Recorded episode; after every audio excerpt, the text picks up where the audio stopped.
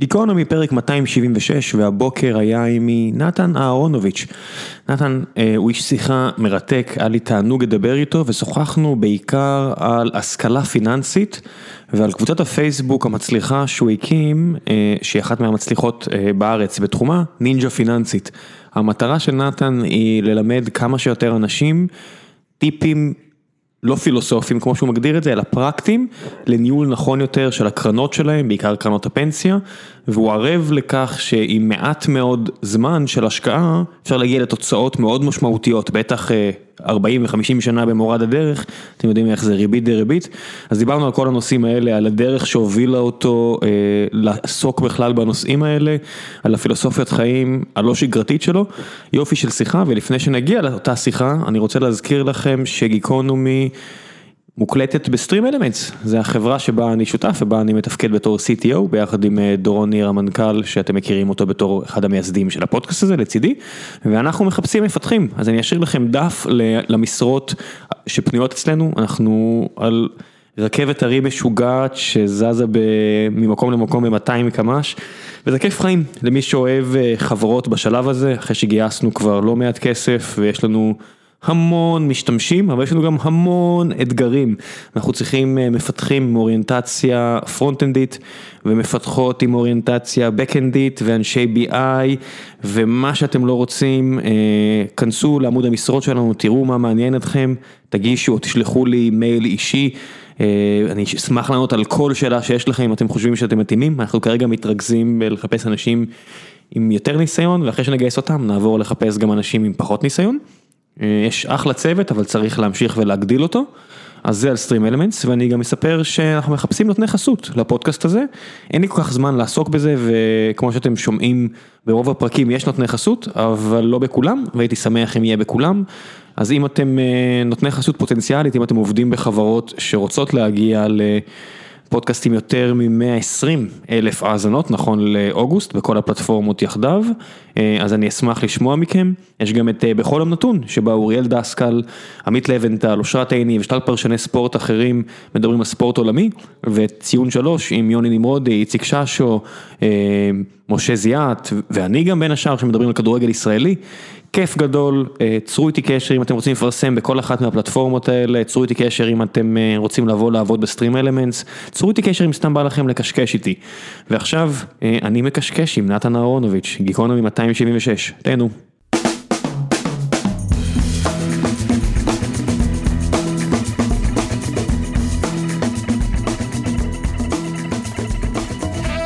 גיקונומי פרק 276 והבוקר נמצא עימי נתן אהרונוביץ'. בוקר טוב. מה העניינים? מתרגש. נו, אל תתרגש, די, דיברנו על זה לפני, מיותר, מיותר, מיותר. נעשה, לפני שנדבר על דברים כלכליים, דברים שהטוקבקיסטים רק מחכים לך עם, אה, עם, עם סכינים אה, וקלשונים, תגיד לי, איך הגעת בכלל למצב שאתה מנהל קבוצת פייסבוק או תנועה חברתית או סדנאות או לא יודע מה שמנסות להטיב עם אנשים כלכלית אמ, ומנסה לבנות על הדרך עסק אני מניח. לא, האמת שלא. לא? מתרחק מזה כמו מאש. יש לי, יש לי להיום שתי מטרות. אחת זה, זה לספר בעצם את הסיפור, והשנייה זה לא להגיד אם באמצע המילים. אז זה מה שאני הולך לעבוד על זה איתך. אמ, הנה. מטרה ראשונה לך. אתה יודע שהייתי, אה, שירתי בעוקץ לפני איזה 20 שנה ומשתמשים בחשמל אה, כדי לאלף חלק מהכלבים. אז זה לא נורא כמו שזה נשמע, זה זה, זה אני לא... הולך לעלות על אמזון מיד אחרי הפרק זה ולמצוא מה איזה משהו שרציתי זה מה שעושה את שרציתי זה. להגיד לך, אז היה לנו איזה איזה בחור בשם חי, שכלוחם בעוקץ אתה צריך לדבר הרבה פעמים עם מפקדים בכירים וכל מיני כאלה, כי אתה לפני פעילות וידה ידה ידה והיה לנו איזה לוחם שכל הזמן אמר אם, אם, אם, אם, ופתאום אני קולט את אחד, ה... זה היה איזה יום אחד שאני קולט את אחד המפקדים, מוציא את החשמל מה- מהקופסה והוא מסתכל עליו ועושה לו, זה השלב הבא, אין מה לעשות. אין מה לעשות, זה השלב הבא. זה זה מפריע. זה גם מפריע, וגם שמעתי כמה פרקים של גיקונומי, ואנשים פה נשמעים רהוטים, כאילו הם, לא יודע, כאילו הם חזרו על זה מראש, ואני גם רוצה להישמע ככה, ואז אני, אני מקליט את עצמי, אני אומר, אם, אם, אם, אני נשמע לא טוב. לא חשוב, אז אני אנסה להתרכז. כן. אה, אין מה לעשות. פעם אחרונה, זהו, פעם אחרונה. אם לא, אני לא. מנסה יותר, אם זה לא הולך. אני לא מנסה יותר. אם לא אנחנו נוציא את החשמל. אני אני בטוח שאני יכול למצוא פה איזה מישהו מהיחידה שיגיע. בדוק. ככה, אני חנון של כסף, חנון. התחלתי להתעניין בכסף בגיל 13, מגיל 16 אני עובד ב hedge fund, שזה למי שלא מכיר זה קרן גידור, זה גופים קטנים בשוק טוב, ההון. אתה רץ פה, זהו, אני אני לא יכול ככה. מה זה מגיל 16 אני עובד בקרן גידור? יש פחות או יותר, אתה מדבר על ישראל? גדלת בישראל? כן, כן. אין, לא היה קרנות גידור בארץ עד לפני אה, שנייה בפיתה. זה לא מדויק, בן כמה אתה? אה, 38, 38, אנחנו מדברים פה על... אה, 1996. 96, 97. כן, כן. אני זוכר את התקופה הזאת. כן. איזה קרנות גידור היו אז? אז אני עבדתי אצל בחור בשם מיכה אסטרחן, שגייס קרן בשם אה, מזארד, אה, שלא צלחה בסוף, אבל הוא שכר לעצמו הרבה הרבה שנים בהצלחה מאוד מאוד גדולה. אה, המשרד שאני עבדתי בו היה נראה אותו דבר גם לפני הגיוס וגם אחרי הגיוס, כי תמיד היה את הנוסטרו. הוא לימד אותי המון, הלקוחות היו מחו"ל. איך הגעת אליו בגיל 16? שאלה טובה. אני, בגיל 13, הוא היה חבר של ההורים שלי, הוא ואשתו, כפרה עליה. הוא ז"ל, אשתו שתחיה. ואמרו לי, נתי תקשיב, אתה כבר בן 13, אתה בחור רציני, תפסיק לקחת כסף מההורים שלך, בוא תעשה לנו בייביסיטר. כי הם היו אנשים גאונים, וכאמור למדתי מהם מלא. אז באתי לעשות בייביסיטר לילד. עכשיו, בין כה הייתי חנון, כי גם חנון של כסף הוא חנון. לגמרי. אז עשיתי אקסלים. כי מה יעשה ילד חנון אחרי שה-BBS אה, כבר, אה, אתה יודע, לא כזה... מיצה את עצו. כן. ה-56K האלה, זהו. ה-56K שמת לו הורדה. משהו, כן, מה אפשר לעשות, זהו. אז אה, אקסל. ובדיוק אז נכנס מחשב אישי למשרד שלהם. מטורף, אני מרגיש כאילו אני איזה בן 60 שמדבר איתך על לא, המחשבים הכל בסדר, הכרטיסים. זה- אבל זה אז היה, כשהיינו זה. בתיכון, זה מה שהיה. בן כמה אתה? של שנתיים מתחתיי, מתחיל, Same. מתחיל VDSL בדיוק בשנים כן, האלה, כן, כן. ADSL כן. נכנס 99 כן. לארץ. והמזכירה שלהם מסכנה, לא מבינה כלום, כל יומיים המחשב שלה עושה צרות. אז התחלתי לת- לסדר את המחשב בשבילה. מה זה לסדר את המחשב? זה לא שתיקנתי משהו, פשוט היה צריך נגיד לעשות control alt delete או כל מיני דברים כאלה של האקרים. ו...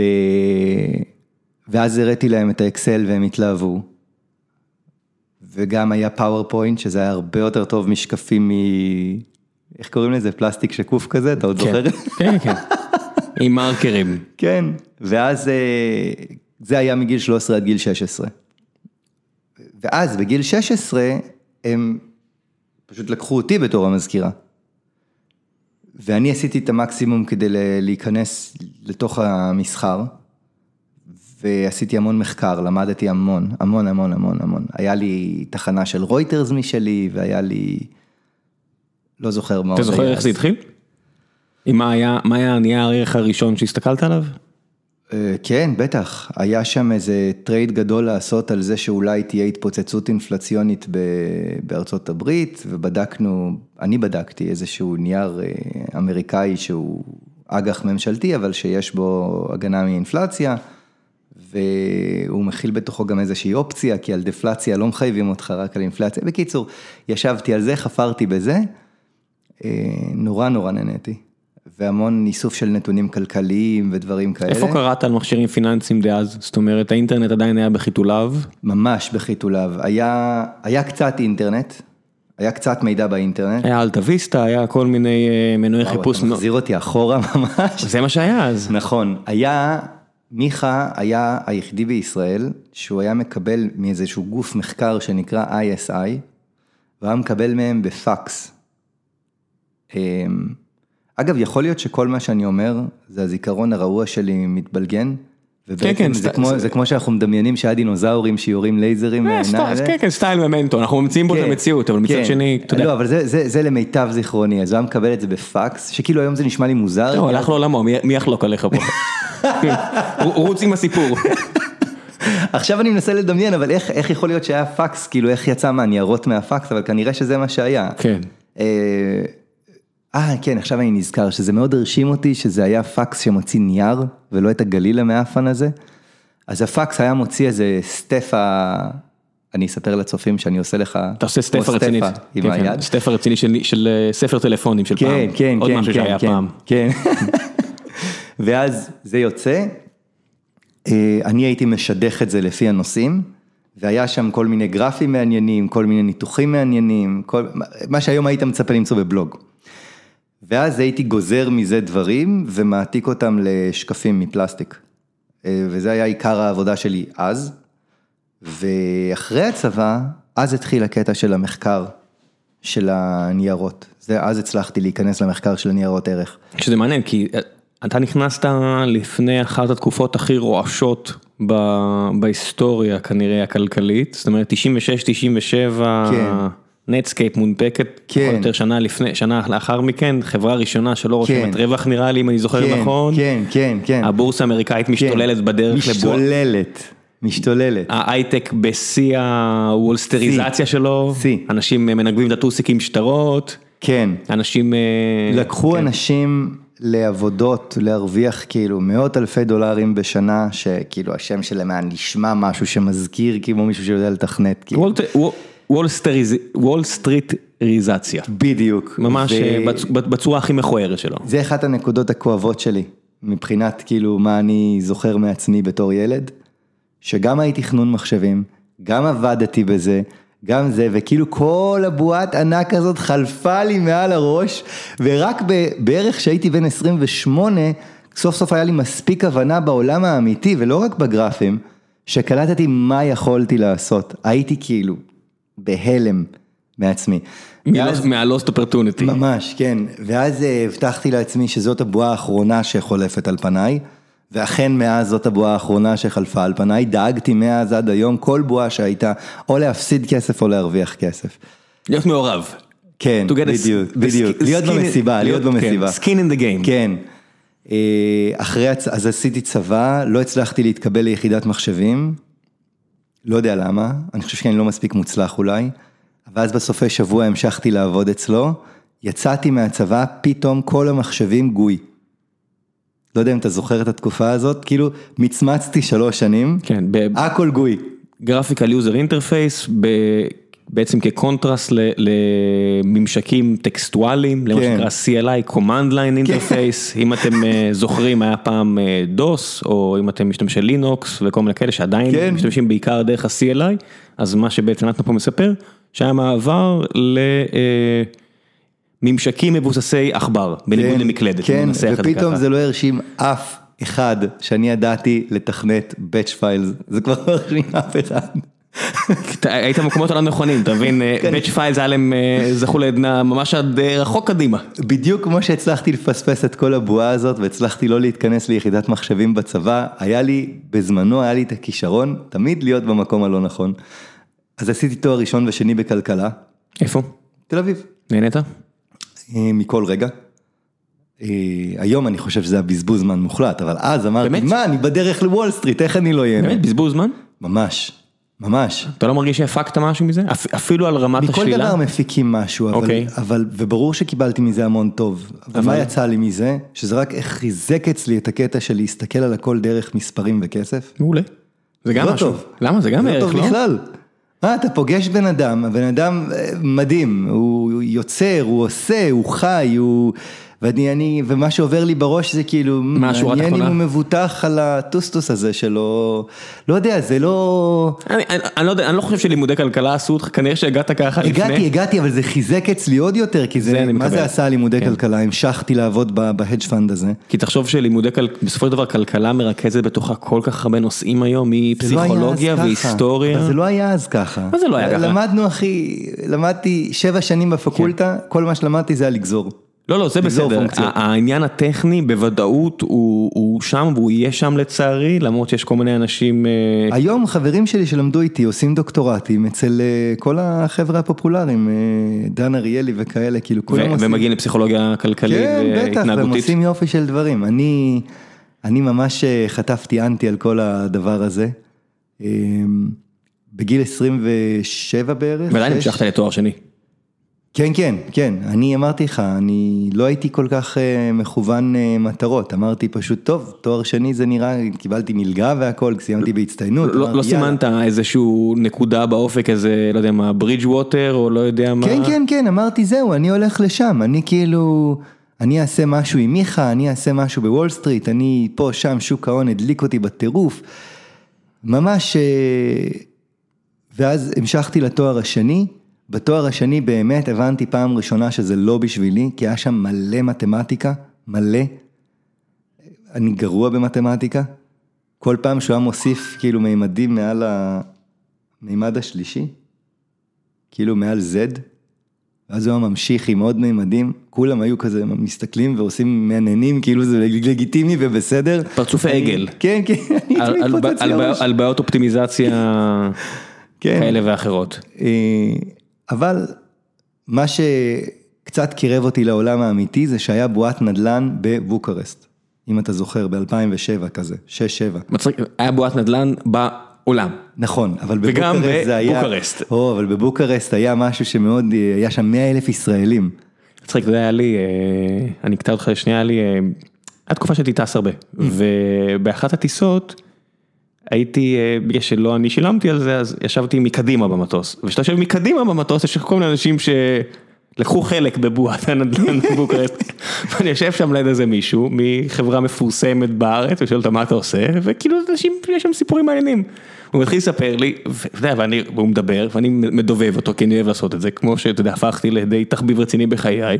הוא מתחיל לספר לי, ואני רק עובר לי בראש, מה, על מה אתה מדבר? מה חשבת לעצמך? מה, כמה? קניונים? מה, איפה? 100 קילומטר מ... על מה אתה אנשים עשו? מיליונים, אחי, ואנשים מיליונים. הפסידו מיליונים, יש כאלה ויש כאלה, זה כמו, אתה יודע, כמו העגלות בארצות הברית, שהיה בול, תקופה, זה בול, זה דוגמה מעולה, העשרה אחוז. שהרוויחו מספרים לכולם, אבל ה-90 אחוז שעבדו 18 שעות ביום בשביל שכר אה, הגיוני בסך הכל, לא מדברים על זה יותר מדי. תראה, מה זה, מה זה בועת נדל"ן? בסופו של דבר כסף עובר מיד ליד. מי שעשה מיליונים זה כי מישהו הפסיד מיליונים. אם מישהו קנה את הקניון מחוץ לבוקרשט שסיפרת במיליון יורו אחרי שהוא קנה אותו, הוא קנה אותה ב-100 אלף יורו ומכר אותו במיליון יורו. כן. מישהו קנה אותו במיליון יורו ועד היום זה לא שווה מיליון יורו. כן, בצ- בצורה מופשטת אני מסכים, פשוט בנדל"ן הרבה פעמים יש את העניין של הבנייה, זה לא רק לקנות נכס ולמכור נכס, נכון. הרבה פעמים יש, יש יזמים שרואים נכון. רחוק, אתה יודע, אתה רואה למשל על מה שקורה, ציינתי את זה אני חושב בפרק שעבר, על מה שקורה ב- בצ'לסי, במנהטן. עכשיו, זה נשמע מפונפן, או, או אתה יודע מה, ב- בדרום מנהטן, איפה שעכשיו המשרדים החדשים של גוגל, איפה שיש שם את ה...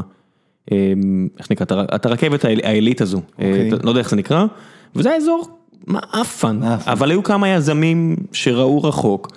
ועשו את מה שהם עשו, והם לצערי, אתה יודע, כל האנשים שגרו שם כל המאה השנה האחרונות כבר לא יוכלו לגור שם, כי השכירות קפצה פי חמש. אז זה לא שמישהו הרוויח, מישהו הפסיד, היה פה גם מישהו עם חזון. נכון. אז אני לא רוצה לצמצם את זה למישהו הרוויח, מישהו, כי מישהו יצר משהו. נכון. גם. יש מחיר לכל דבר, כי נדל"ן נכון. זה פיזי, ופיזי זה נכון. אומר ש... אני מסכים במאה אחוז. יש בי גם איזושהי סוג של הערצה לאנשים האלה. ליזמ- ליזמים של הנדל"ן? היזמים שיוצרים משהו גדול מכלום, מישהו שלקח כאילו אזור שהוא פח אשפה והפך אותו לאיזה וואו, או מישהו שלוקח איזה רעיון והופך אותו לחברת ענק. תשמע, המשרדים שאנחנו נמצאים בהם עכשיו, ואנחנו תכף נחזור לבוקרשט ולאיפה שהיית, אה, אני לא אדבר יותר מדי, כי זה בכל זאת כסף פרטי של משפחה פרטית, ואני לא רוצה יותר מדי, אה, לא יודע מה מותר ומה אסור, אבל הם, הקטע שלהם זה למצוא נכסים, בעיקר באזור המרכז, שהם פח אשפה, וכל בן אדם שעובר לידם אומר איזה מאורת סמים עלובה, ולקנות אותם בכלום כסף, ולעשות מה שצריך כדי להשביח אותם, ואז להרוויח. מדהים, מדהים, מדהים. ו-. ויש להם הרבה נכסים כאלה, והם משפחה די נחמדה, לפחות הנציג של המשפחה שאני מדבר איתם, והם דואגים לנו, ואתה יודע, הכל אה, לפי חוזה והכל סבבה, ואני אומר, מגניב, זה יזמות זה לכל עניין ודבר. ברור. ליזמי, ליזמי ברור. הייטק יש אה, נטייה לחשוב שרק אה, ביטים. כן, כן. חשובים. כן, כן. לא, נדל"ן זה מדהים. בכלל, כל ה... אז רגע, 2007, בוקרשט, אז אני באותה תקופה כבר עזבתי את את ה hedge fund, ובעצם מימנתי את התואר השני שלי מלסחור אג"חים בתל אביב, בבורסה בתל אביב. צלצל אליי חבר, אמר לי, פתחתי חברה להשכרת רכב בבוקרשט, עבור יזמי נדל"ן ישראלים, כי הם רגילים מישראל לקבל אוטו מהעבודה, ובבוקרשט אין את זה, אז פתחנו. העסק גדל ב... אתה יודע, מספרי הייטק, 782 אחוז ביום, פה תהיה הסמנכ"ל כספים. אמרתי, לא, מה, יש לי פה לימודים, יש לי פה עבודה, אני סוחר, אני לא יכול משם. זרק לי איזשהו סכום שבזמנו היה בשבילי מופרך לחלוטין. אמרתי, אין בעיה, הוא דיבר איתי, נראה לי משהו... זרק לך מספר ואמרת, יאללה, תשאיר איתם במליגה, זרוק את הגבינה פנימה, אני בדרך. משהו כזה, לקח לי איזה 48 שעות לנחות בבוקרשט, גיליתי שאין לי ג'קט בבוקרשט, קניתי ג'קט, זה הזיכרון הראשון שלי מבוקרשט, שקר שם. היה לי ממש כיף שם, ואז uh, קרה איזושהי תקלה עם הוויזה שלי. מסתבר שהייתי צריך לצאת כל שלושה חודשים ולא ידעתי את זה, והעורך דין שמטפל לי בוויזה לא אמר לי את זה. בקיצור, כמעט שנה הייתי שם, טסתי לביקור בארץ, לא נותנים לחזור. תוך כדי שאני עובד על לסדר את זה, קרסה הבועה, אין לאן לחזור. מה זה אומר? בוא נתרכז שנייה במכניקה של מה זה אומר קרסה הבועה. תספר קצת על מה קרה בבוקרסט, כי מה שקרה בשאר העולם ב-2007-2008, בטח שבארצות הברית, הרבה אנשים יודעים. מה קרה בבוקרסט? בנו שם למשל שכונה אחת, שאני זוכר את השם שלה, קוראים לה בניאסה או משהו כזה, אולי כבר שכחתי את השם שלה, שזה כמו צהלה בתל אביב. אה, זה מחוץ לעיר, זה וילות, זה מיועד לסאחים, זה מקום להרבה חנייה של מכוניות, סאברב כזה. אין, אין מרכזים, אין, זאת אומרת אין שטחים מסחריים, או לפחות מעט מהם? כן, בדיוק, בדיוק, בדיוק, יותר קניון כזה מקומי ו...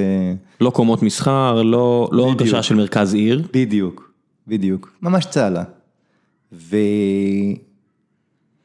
ובעצם בנו אותה על כלום, כמו שדיברנו קודם, כי לא היה שם כלום קודם. לא היה שם אזור שנחשב לוואו ולידו אתה בונה עוד שכונה, פשוט עשו את זה.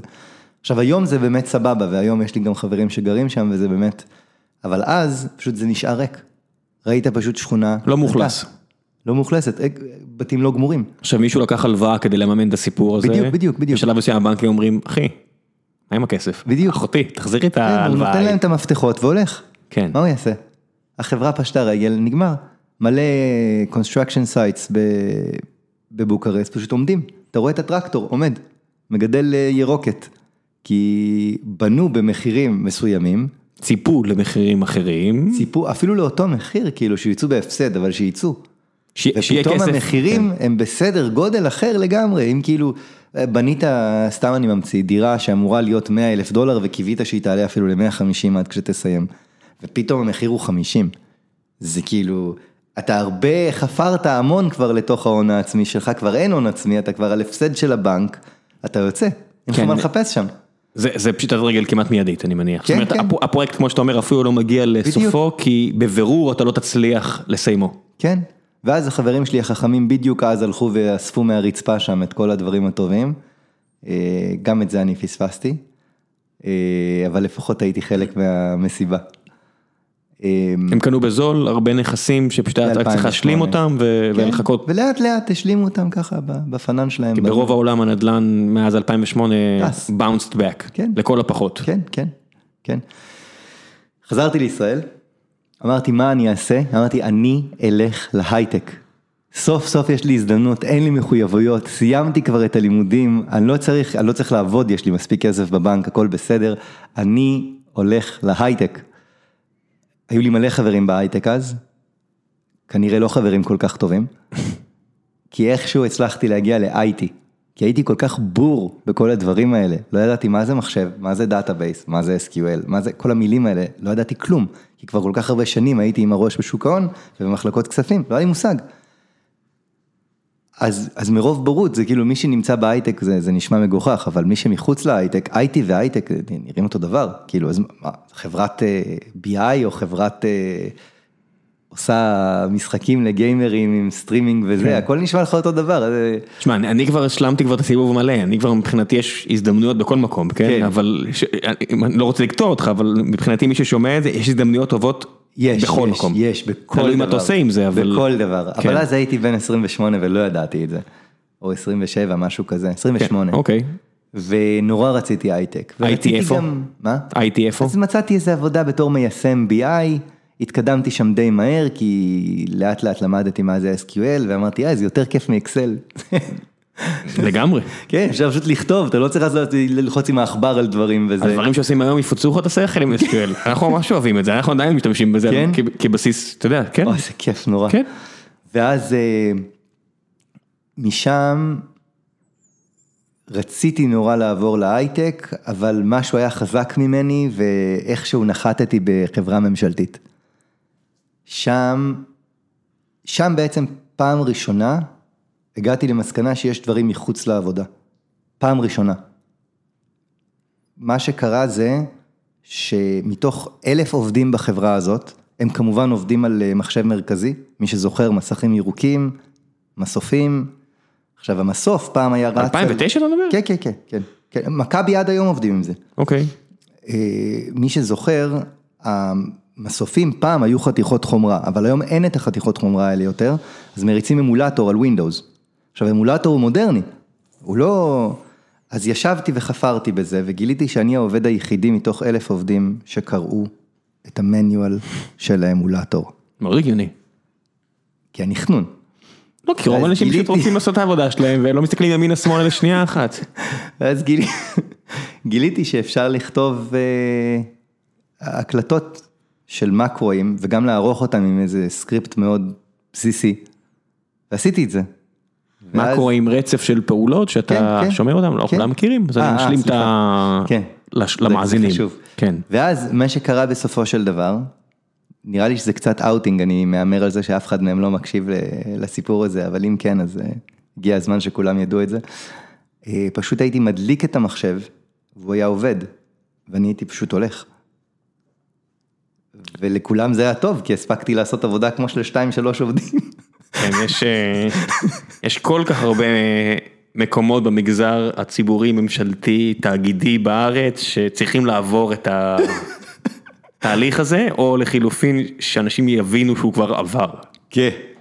עכשיו, לאורך כל השנים האלה, מה שאני עושה לחברים, גם אלה שלא רוצים, אני אוכל להם את הראש. אני אומר להם, תראה הפנסיה ככה, תראה הביטוח ככה, תראה הפה, זה. הפה, יש פה איזו קפיצה מחשבתית מאוד משמעותית. כי לי זה נורא קל. לא, לא, לא, זה בסדר, אבל יש הרבה מקומות להתעסק בהם. כן, אתה יכול להתעסק עם חברים ולדחוף אותם להשקעות בנדל"ן. חס ושלום. אתה יכול לדבר עם חברים ולדחוף אותם להשקעות private equity. חס ושלום. אתה יכול לדבר עם חברים ולהשקיע, לשכנע אותם לצרוך פחות. יש כל מיני. יש כל מיני ז'אנרים של לא, לא, לא. עצות. אתה אני- הלכת על חיסכון פנסיוני? לא לאו דווקא, הכל, כל מה שאתה משלם, ושאתה, מה שמדליק אותי בתור כלכלן, זה שאני יכול להעביר לך פיסת אינפורמציה של כלום, של עשר דקות. כמה אינפורמציה יש בעשר דקות? לא יודע, זה שלוש K, לא יודע, כלום, זה כלום, אין אינפורמציה שם.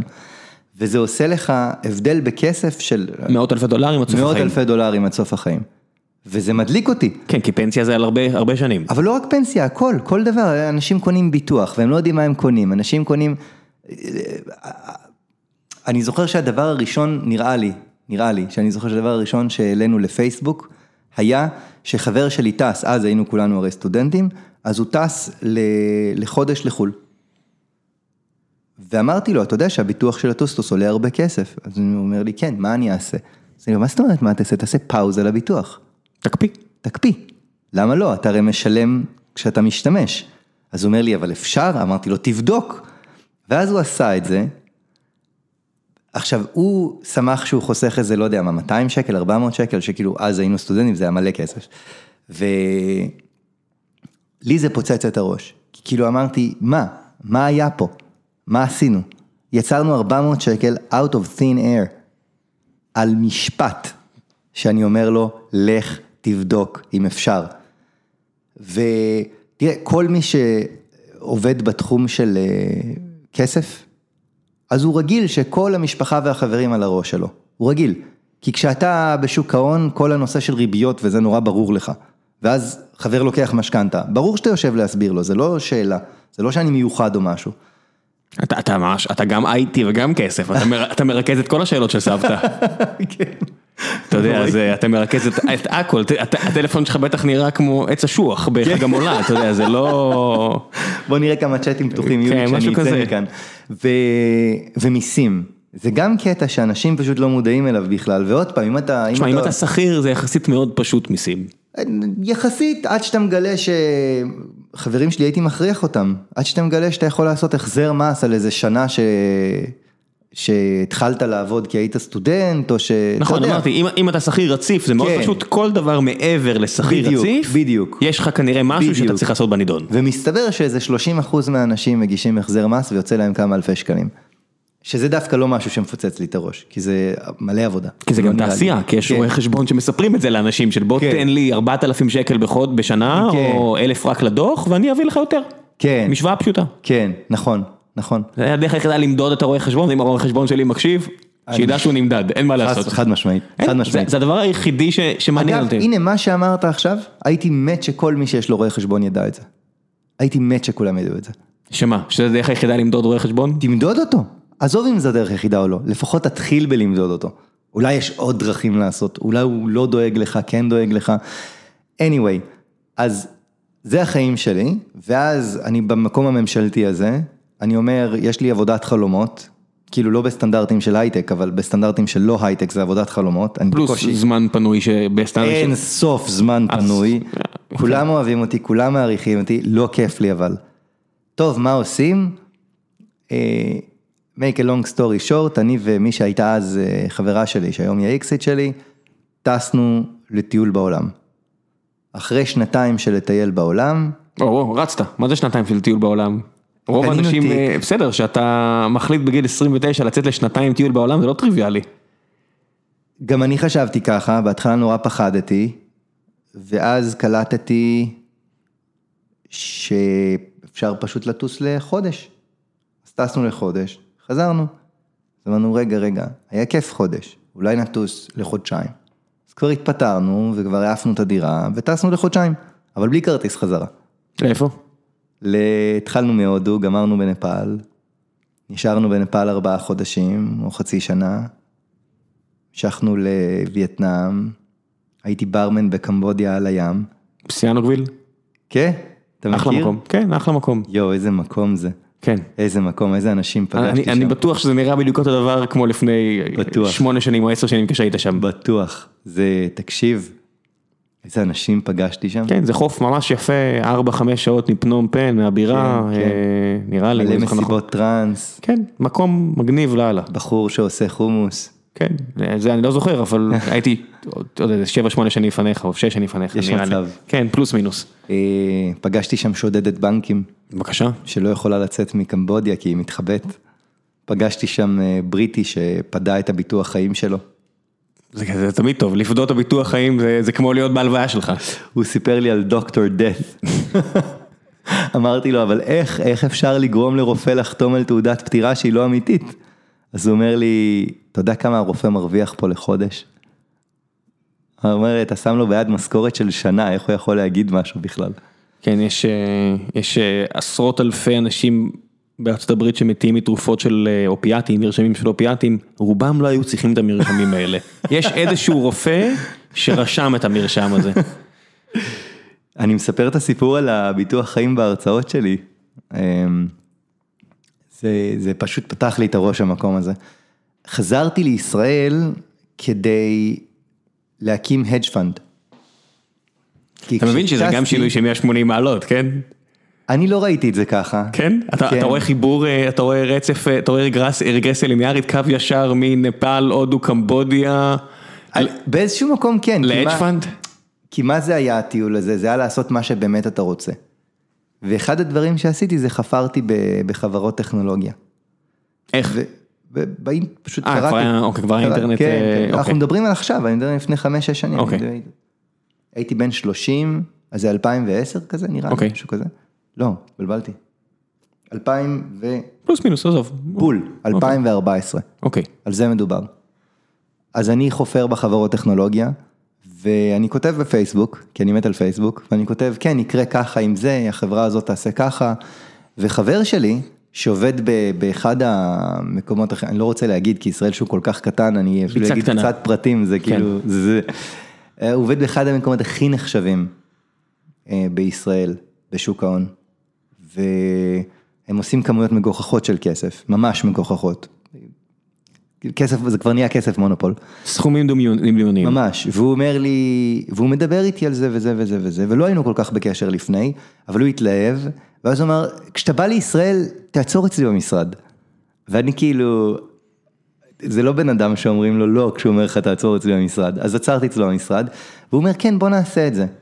ועשינו מצגת לבוס שלו והבוס שלו התלהב ואמרנו בוא נסחור טכנולוגיה. נתי יותר חכם מהשוק בטכנולוגיה. כי נע תכנון והוא קורא על כל החברות וזה מה שיעשה את ההבדל. long story short, שנה, נשמע כמו קרן הון סיכון, לא כמו קרן גידור. אה, הרעיון זה לסחור אותם בשוק. הבנתי, חברות ציבוריות. כן. הבנתי, אוקיי. שנה אחר כך, אחרי שכבר גייסנו ולא לקחנו מהמשקיעים כי המחקר נתקע בקיר, היה לנו שיחה עם מי שמנהל בגולדמן זקס את המחקר, גולדמן זקס למי שלא מכיר זה בית ההשקעות הכי הכי הכי בעולם. והכי גדול, הכי נחשב, הכי הכל. והוא מנהל את המחקר על החברה שאני חקרתי חצי שנה. ואחרי חצי שנה של פול טיים שאני חוקר את החברה הזאת, נהייתי כאילו, התחלתי לנצח בוויכוחים מהנדסי חשמל, כי זו חברה שעושה חשמל, כבר ידעתי הכל. אני מודה שזה לא כזה, אתה יודע, לא כזה ביג וופ, כי תחשוב שאתה מהנדס חשמל, אתה מגיע כל יום, יורד לקומה מינוס אחד או לקומה שתיים, מסתכל על הלוח ועושה קצת אלגוריתמיקה, משחק ב-C אה, לא, לא, לא, לא, לא אסמבל. חשמל כזה, מהנדסי חשמל חזק, אלה שמחברים כבלים ענקיים שזורם בהם. אה, הבנתי. חשמל כזה, אוקיי. כן, כן. אז גם הם. כן, לא, והייתי מדבר עם אנשים שמתכננים כאלה מערכות, וממש נכנסתי לזה, צללתי לזה, גם פגשתי אנשים מדהימים תוך כדי. והבן אדם, אנחנו לא ב-level שלו, בכלל. אנחנו עם סכין בקרב אקדחים, כי הוא יודע דברים שאתם לא יודעים? ברמות שקשה לתאר בכלל, כאילו, ברמות שהן פליליות? לא, מה פתאום פליליות? תשמע, תחשוב, הקו אה, לא, בחברה לא, אז- ציבורית, אני אני אומר את זה למי שלא מכיר, כן. הקו בין אה, יודע הרבה ומפעיל את השכל לבין פלילי, זה בדיוק אם אתה יודע משהו שאי אפשר לדעת אותו, אני מסכים, וזה מדויק, זו הגדרה הרבה יותר מדויקת ממה שניסו לדחוף לי בקורס אתיקה. וזה מאוד ו- פשוט. מאוד פשוט, כמו שאמרת, הגדרה מדויקת, שים לב לזה. אנחנו למדנו את SolarCity של אילון מאסק. אתה זוכר אותה בערך? בטח. זה חברה ששמה פאנלים סולאריים על גגות. וכל הדיבור, כל הדיבור, לא רק ב- בכל האתרי, אה, לא רוצה להעליב אף אחד, אבל כל האתרי שוק ההון להמונים, וכל הדיבור במצגות של החברה ובדוחות של החברה ובהכל, כל הדיבור, כל ה vibe, מדברים על הטכנולוגיה. ואני הולך וחוקר את הטכנולוגיה, ואנחנו מגיעים להבנה שזה הימור טוב להמר על הטכנולוגיה של סולר סיטי, כי בשנת 2020 יהיה אה, טכנולוגיה כל כך טובה, שהיא תנצח בכל כך הרבה מקומות חשמל לא סולארי, שזה שווה את זה, זה דיל טוב, זה הימור טוב. ותחשוב שכולם, כולם ב vibe הזה של הטכנולוגיה, וכל הסוחרים, במרכאות, סוחרים בשקל כאלה, מתווכחים על הטכנולוגיה, וכל הדיבור טכנולוגיה. ואז אנחנו מדברים עם הבן אדם הזה. ובהינף משוואות פצפונת שהוא מראה לנו, שורות איזוטריות בדוחות הכספיים שאף אחד לא מדבר עליהם, אתה מגלה שכל הטכנולוגיה, היא כבר מתייחסים אליה כעובדה, כן, זה... כאילו התגלית הגדולה שלי, זה- זה commodity לגמרי נהיה, ו... בול. כן. אומרים, נתי, זה לא שאתה כזה גאון, כבר תמחרנו את זה במניה. ב-2020, כן, הוא ינצח את החשמל גם ב state הזה וגם ב state הזה וגם ב state הזה. ואז כל המשוואה היא בכלל על מה הרגולטור יגיד. וזה- עכשיו, איך אני אמור לבדוק מה הרגולטור יגיד? אני לא. אתה לא הוא- מכיר את הרגולטור. אני לא מכיר את הרגולטור. הוא יושב לקפה הוא עם הרגולטור. יושב לקפה עם הרגולטור, הוא מחזיק שני גופי מחקר שלא יודעים אחד על השני. שהם הם, הם עושים בשבילו מחקר ובשביל אחרים הם עושים לובינג. הם, הם, הם הם שם, מצד אחד מנסים לגלות את התשובה, ומצד שני הם כותבים את התשובה. הם שם. כן. וגם זה לא מבטיח להם כלום, אבל זה בטח משפר את הסיכוי. הרבה יותר משלי, הרבה הרבה יותר משלי, אמרתי טוב, על זה אני לא לוקח כסף ממשקיעים, זה כאילו לא יקרה, אני לא הולך להתבזות עם זה. עזבתי את הכל. אילון מאסק בזמן הזה אומר, אוקיי, זה לא הולך למקום טוב, אני אצטרך לקנות אחר הזה עם החברה השנייה שלי, ומקווה שזה לא יעשה רעש. אוי לא, זה עשה רעש. לא נורא. אבל תשמע, זה היה בשבילי תגלית, כי הדיבור, הדיבור בקרב אנשים שמבינים בשוק ההון, אומרים, השוק תמיד יודע יותר טוב.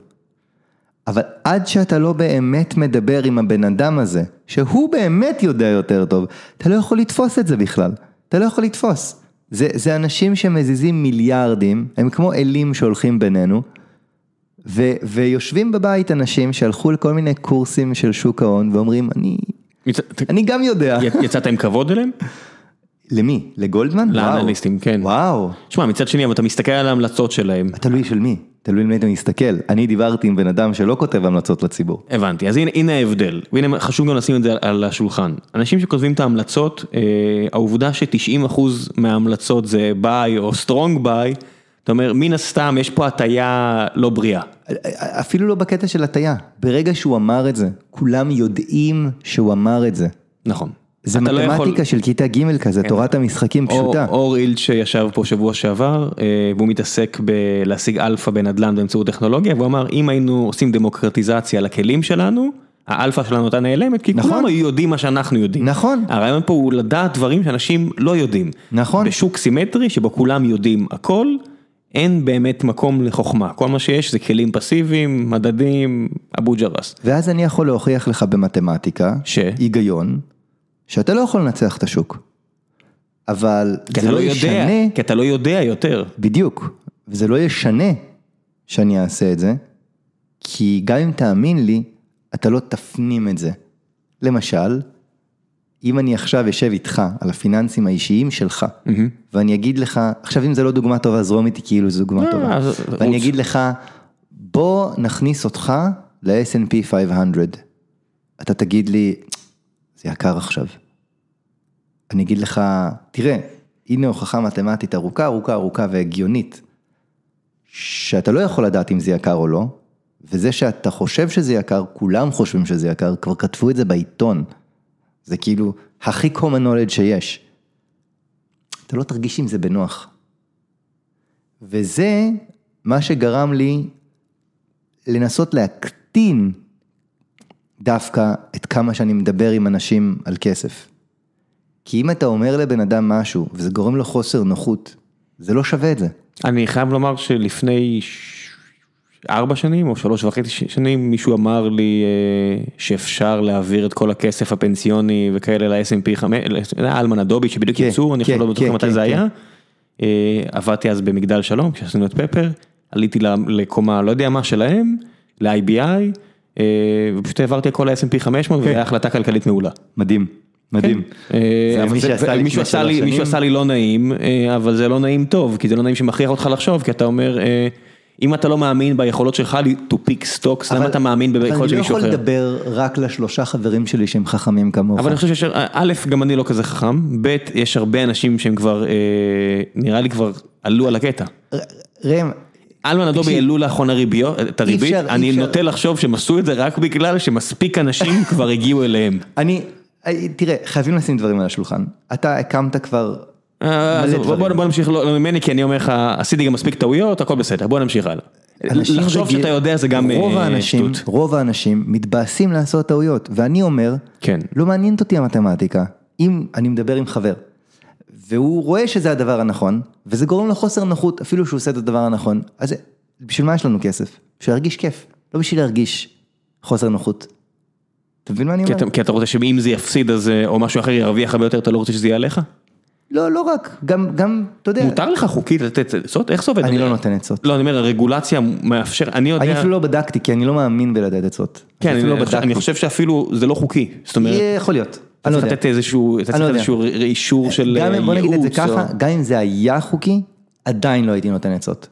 אוקיי, אז בוא, אז מה בפועל אתה כן עושה? או. ואז צללתי, אחרי ה hedge fund, צללתי לתחום האינטרנט, עשיתי כל מיני דברים באינטרנט, היום? אני סוחר ב traffic, בדיוק אוקיי. כמו שקודם הייתי סוחר בשוק ההון, אז התחלתי, העברתי את זה ל traffic, לפרסום, קנייה ומכירה של Ad פרסום. Networks, ארביטראז' של... אה, בול. כן, אוקיי. ב-2018, לקראת הסוף של 2018, גם הרגשתי נורא נורא בודד, כי הייתי כל הזמן לבד מול המסך, וגם שמתי לב שזה חסר לי, זה חסר לי לדבר עם אנשים על כסף. כי אני גדלתי, כל החברים שלי גדלו, מה שפעם כתבנו בפייסבוק, הנה תקפיא את הביטוח על ה... על הטוסטוס. טוסטוס בשביל לחסוך 300 שקל, וקראנו לזה נינג'ה פיננסית. אז אה, כבר אני לא יכולתי לכתוב בפייסבוק מה שאני מדבר עם החברים שלי. כי? כי... כי זה כבר נהיה דברים יותר מדי אה, ספציפיים, כי כבר נהיה לא נעים. כותב, כשאתה כותב בפייסבוק, נגיד, ישבתי עם חבר, חסכנו לו מיליון שקל לשנה במיסים. 100 אלף שקל לחודש במע"מ. אז זה גורם לחוסר נוחות אצל לא, אנשים. אתה לא יכול. לא, זה, זה, זה, אני, אני נתקל בזה עם כל מיני חבר'ה בעולמי הדל שמכרו חברות או דברים כאלה. הם מגלים מהר מאוד שהם לא יכולים לקיים את השיחות האלה על איך לנהל את הכסף שלהם עם כולם, כי זה גורם באמת לתחושה לא נעימה עם הצד לא השני, נעימה. וזה משאיר אותם בקהילה מאוד סגורה וקטנה, נכון. או שהם הולכים לכל מיני יועצים נכון. פמילי אופיסס וכאלה, ושם נגמר השיח הזה. נכון? כי אין לנו עדיין את התרבות של הפלאש בארץ, וטוב שכך אולי, אה, אבל אנשים מנסים להצניע הרבה עניינים כאלו בדיוק. ואז, ואז ראיתי שאני לא כותב בפייסבוק יותר על אה, נינג'ה פיננסית, וזה היה חסר לי. ואז... אה, אבל עדיין עסקת בזה ברמה האישית, זאת אומרת עם חברים. ישבתי עם חברים, תמיד ישבתי עם חברים. כל חבר שלי שהיה לו עסק, תמיד דיברנו, תמיד זה אף פעם לא... הנדסה פיננסית, לא, לא יודע, אני לא יודע אפילו מה זה הנדסה פיננסית. אני קורא לזה ככה. בסופו של דבר צריך לה- להנדס פיננסים כי יש סט של חוקים ואתה יכול לשחק על פיהם, או שאתה יכול לתקוע את הראש ב- באדמה, ואם יש לך משקיעים כדאי שתעשה את אפשרות א' ולא אפשרות ב'. כסף כן. שלך תעשה מה שאתה רוצה. כן. אז, אז תמיד ישבתי איתם. על מיסוי ועל ביטוח ועל פנסיה ועל כל, כל מה שזה, וככל שזה נהיה יותר גדול, אז זה גם שיחות יותר מעניינות, וגם למדתי מזה המון, תמיד מאוד אהבתי את זה, אבל ראיתי שחסר לי, חסר אז לי למה לא כאילו- להפוך את זה למקצוע? נראה לי שעברתי את הגיל למקצוע. אני עכשיו בסיטואציה שאני רוצה כמה שפחות לעבוד וכמה שיותר להיות בים, preferably עם הילדים. עיקר הסיבה שאני בכלל עכשיו עובד, זה כי הילדים נורא קטנים, לא כיף לטוס איתם, זה סבל אטומי, ניסינו. ו... כן, מקבלים כומתה כשנוחתים. כומתה וסיכה. ואז אה, ברגע שהם יהיו מספיק גדולים, אז אני מתחפף, אני הולך אה, לחזור, אה, לא יודע, לעשות טיולים איתם. מעבר לאופק על הסוס? נראה לי? כן, יש פה את שביל ישראל שעוד לא עשיתי, כל מיני כאלה. תשמע, גם יש כל מיני אנשים ששמעתי מדברים בצורה הזו, אם זה יוסי גביזון וכל מיני כאלה שאומרים, אני לא דוגל ביותר מ-4-5 שעות ביום, די, כמה אפשר? אתה רואה אותם, הנה עכשיו הוא אחרי שקנו את, איך זה נקרא רשמית, אודי, קרולינה למקה, לא יודע איך נקרא הקבוצה העסקית שהוא הקים, הוא הבוס מאחורי כל הרשתות אופנה האלה, והוא מכר לקסטרו, ונראה לי שהוא רק יותר ויותר מעורב בסוף, זה כמו בסנדק, אתה יודע, כל פעם שאתה מנסה לצאת החוצה הם מושכים אותך פנימה. לי זה לא יקרה. זה- more famous last words. כן, כן, לגמרי, שמישהו ייקח את הקליפ הזה, אוקיי. אני, מאוד מקווה שלי זה לא יקרה.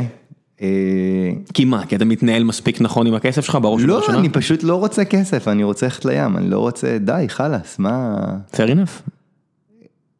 כמעט כל דבר שרציתי כשהייתי צעיר, השגתי, כמעט, כמעט כל דבר. וחוץ מטנק שיורה לייזרים.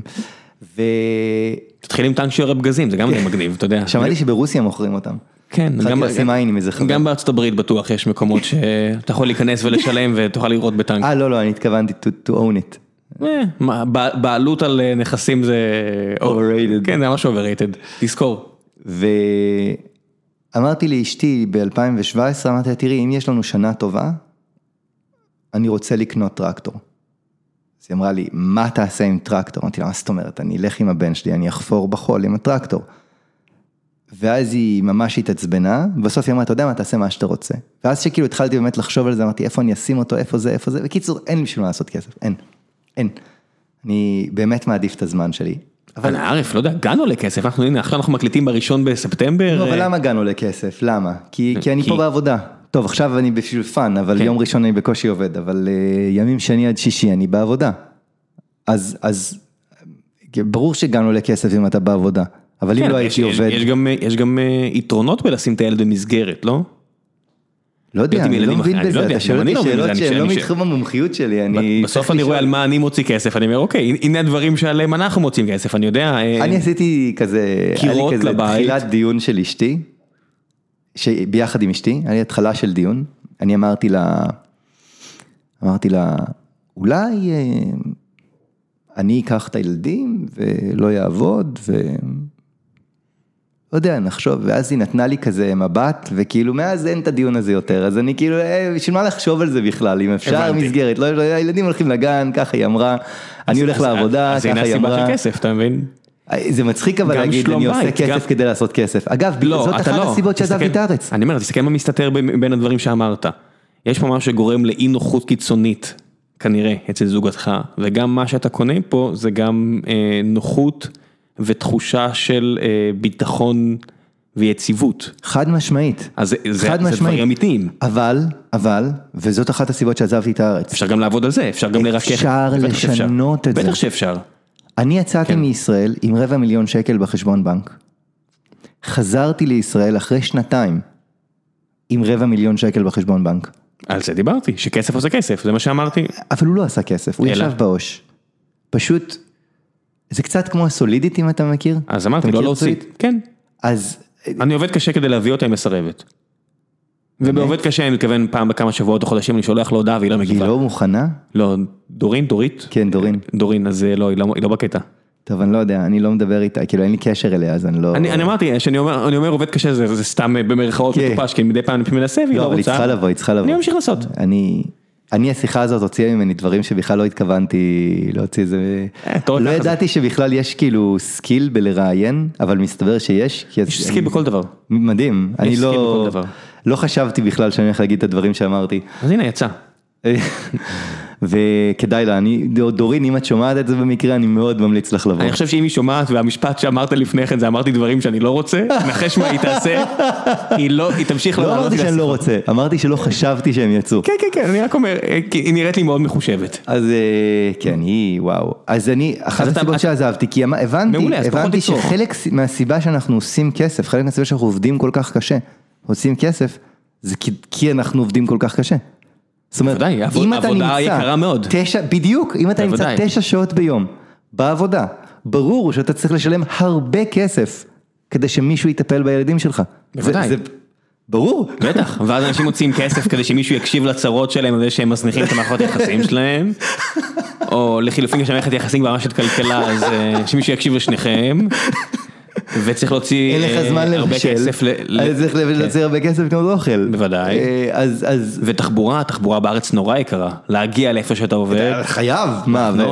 ותגיע בלי אוטו פנסי, אתה בכל זאת, בשביל מה אתה עובד כל כך קשה? אני לא יודע, אני כל פעם שאני מחנה את המאזדה 2 המשומשת שלנו אצל ההורים, אבא שלי מסתכל ואומר, עושה כל הרעש הזה שאתה עושה ובזה אתה נוהג, אז אה, אני לא יודע, אוטו זה דבר נורא יקר בארץ, אה, ממש נורא יקר בארץ, אני, אתה מדבר עם הבן אדם הלא נכון, אני נוסע על טוסטוס, אני לא... בבקשה.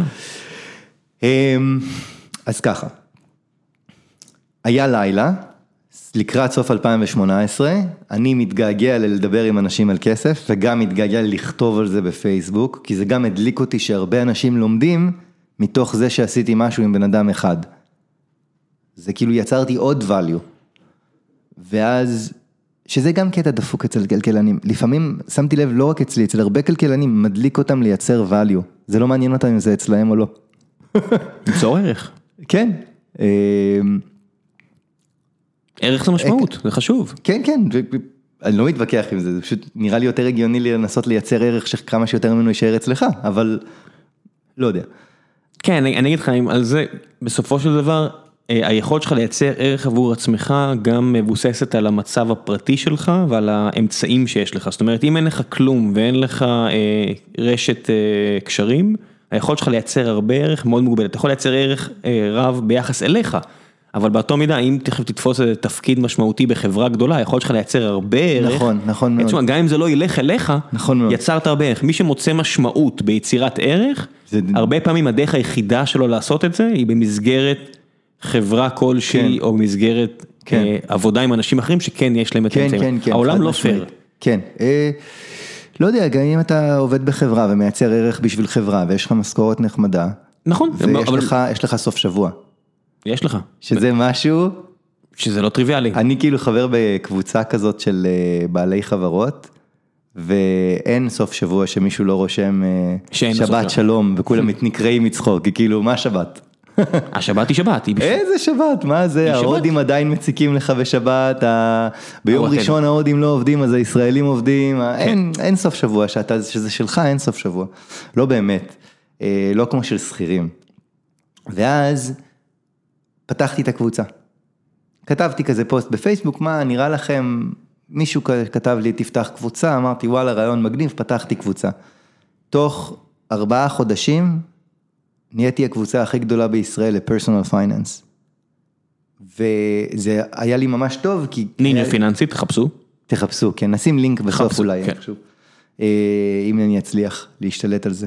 כל הלינקים לא עובדים לי בפייסבוק, אני לא מבין את זה, אנשים מקליקים על לינק, נפתח להם הדפדפן של ה... אתה איש הייטי, תפתור את זה, אין מה כן, לעשות. בדיוק.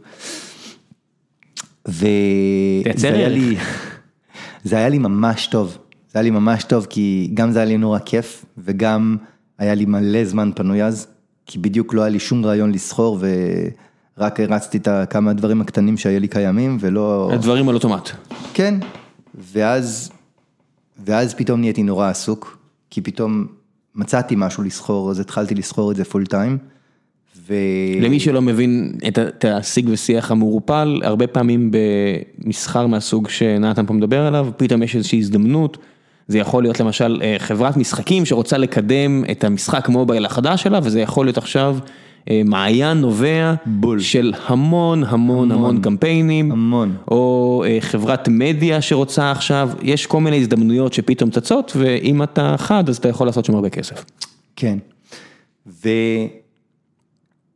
ועדיין המשכתי עם הקבוצה לפחות לקרוא וכאלה, וקצת לענות על שאלות, פחות לכתוב, כי כבר לא היה לי זמן. ומה שגיליתי, באמת פוצץ לי את הראש. באמת פוצץ לי את הראש. קודם כל, גיליתי שזה בדיוק כמו עם החברים שלי, ואתה לא יכול סתם להגיד לאנשים, תעשו את הדבר הנכון, כי אם זה לא גורם להם להרגשה נעימה, אז הם לא, הם לא יעשו את זה. בסבירות מאוד נמוכה, כן. ואז הם גם מתבאסים שבכלל אמרת את זה. נכון, יצרת להם אה, עומס קוגניטיבי על על הראש. כלום. כן. כאילו אמרת להם, הנה, הדבר הזה שאתם רוצים לידכם, אבל אתם עצלנים מדי כדי לקחת את זה, שזה לא נכון, הם לא עצלנים. פשוט יש להם חיים עמוסים.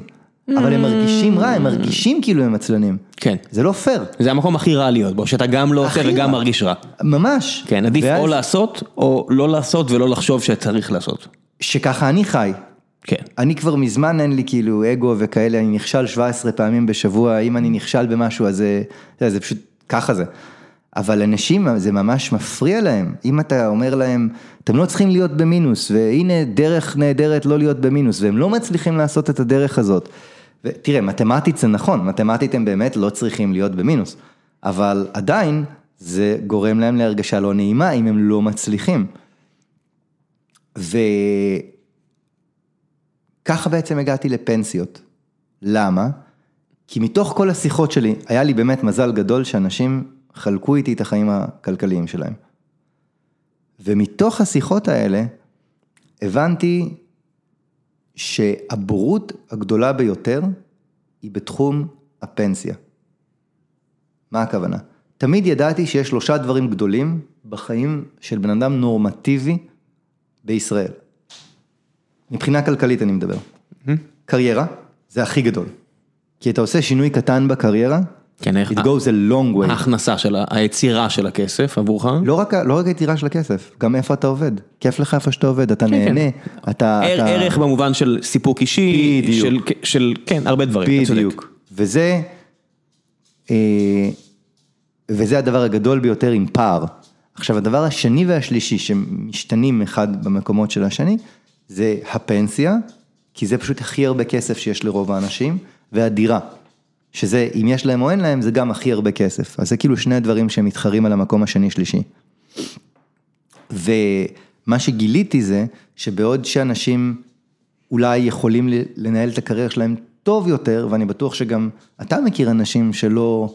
לא נמצאים במקום שנכון להם, לא באים לעבודה בכיף, לא הרוב זה... המוחלט של האנשים יכול לעשות טוב יותר, או עבור בדיוק. עצמם, או כלכלית, או בדיוק, אישית. בדיוק. החוק הראשון שלי זה תמיד אני, ואמרתי אותו פה עשרות פעמים, אם אתה שמח מדי בחמישי בערב ועצוב מדי ביום ראשון בבוקר, כנראה שאתה לא ממקסם משהו. בדיוק, בדיוק, זה בעיה באופטימיזציה. כן. אבל עדיין, הוא יודע איפה הוא עובד.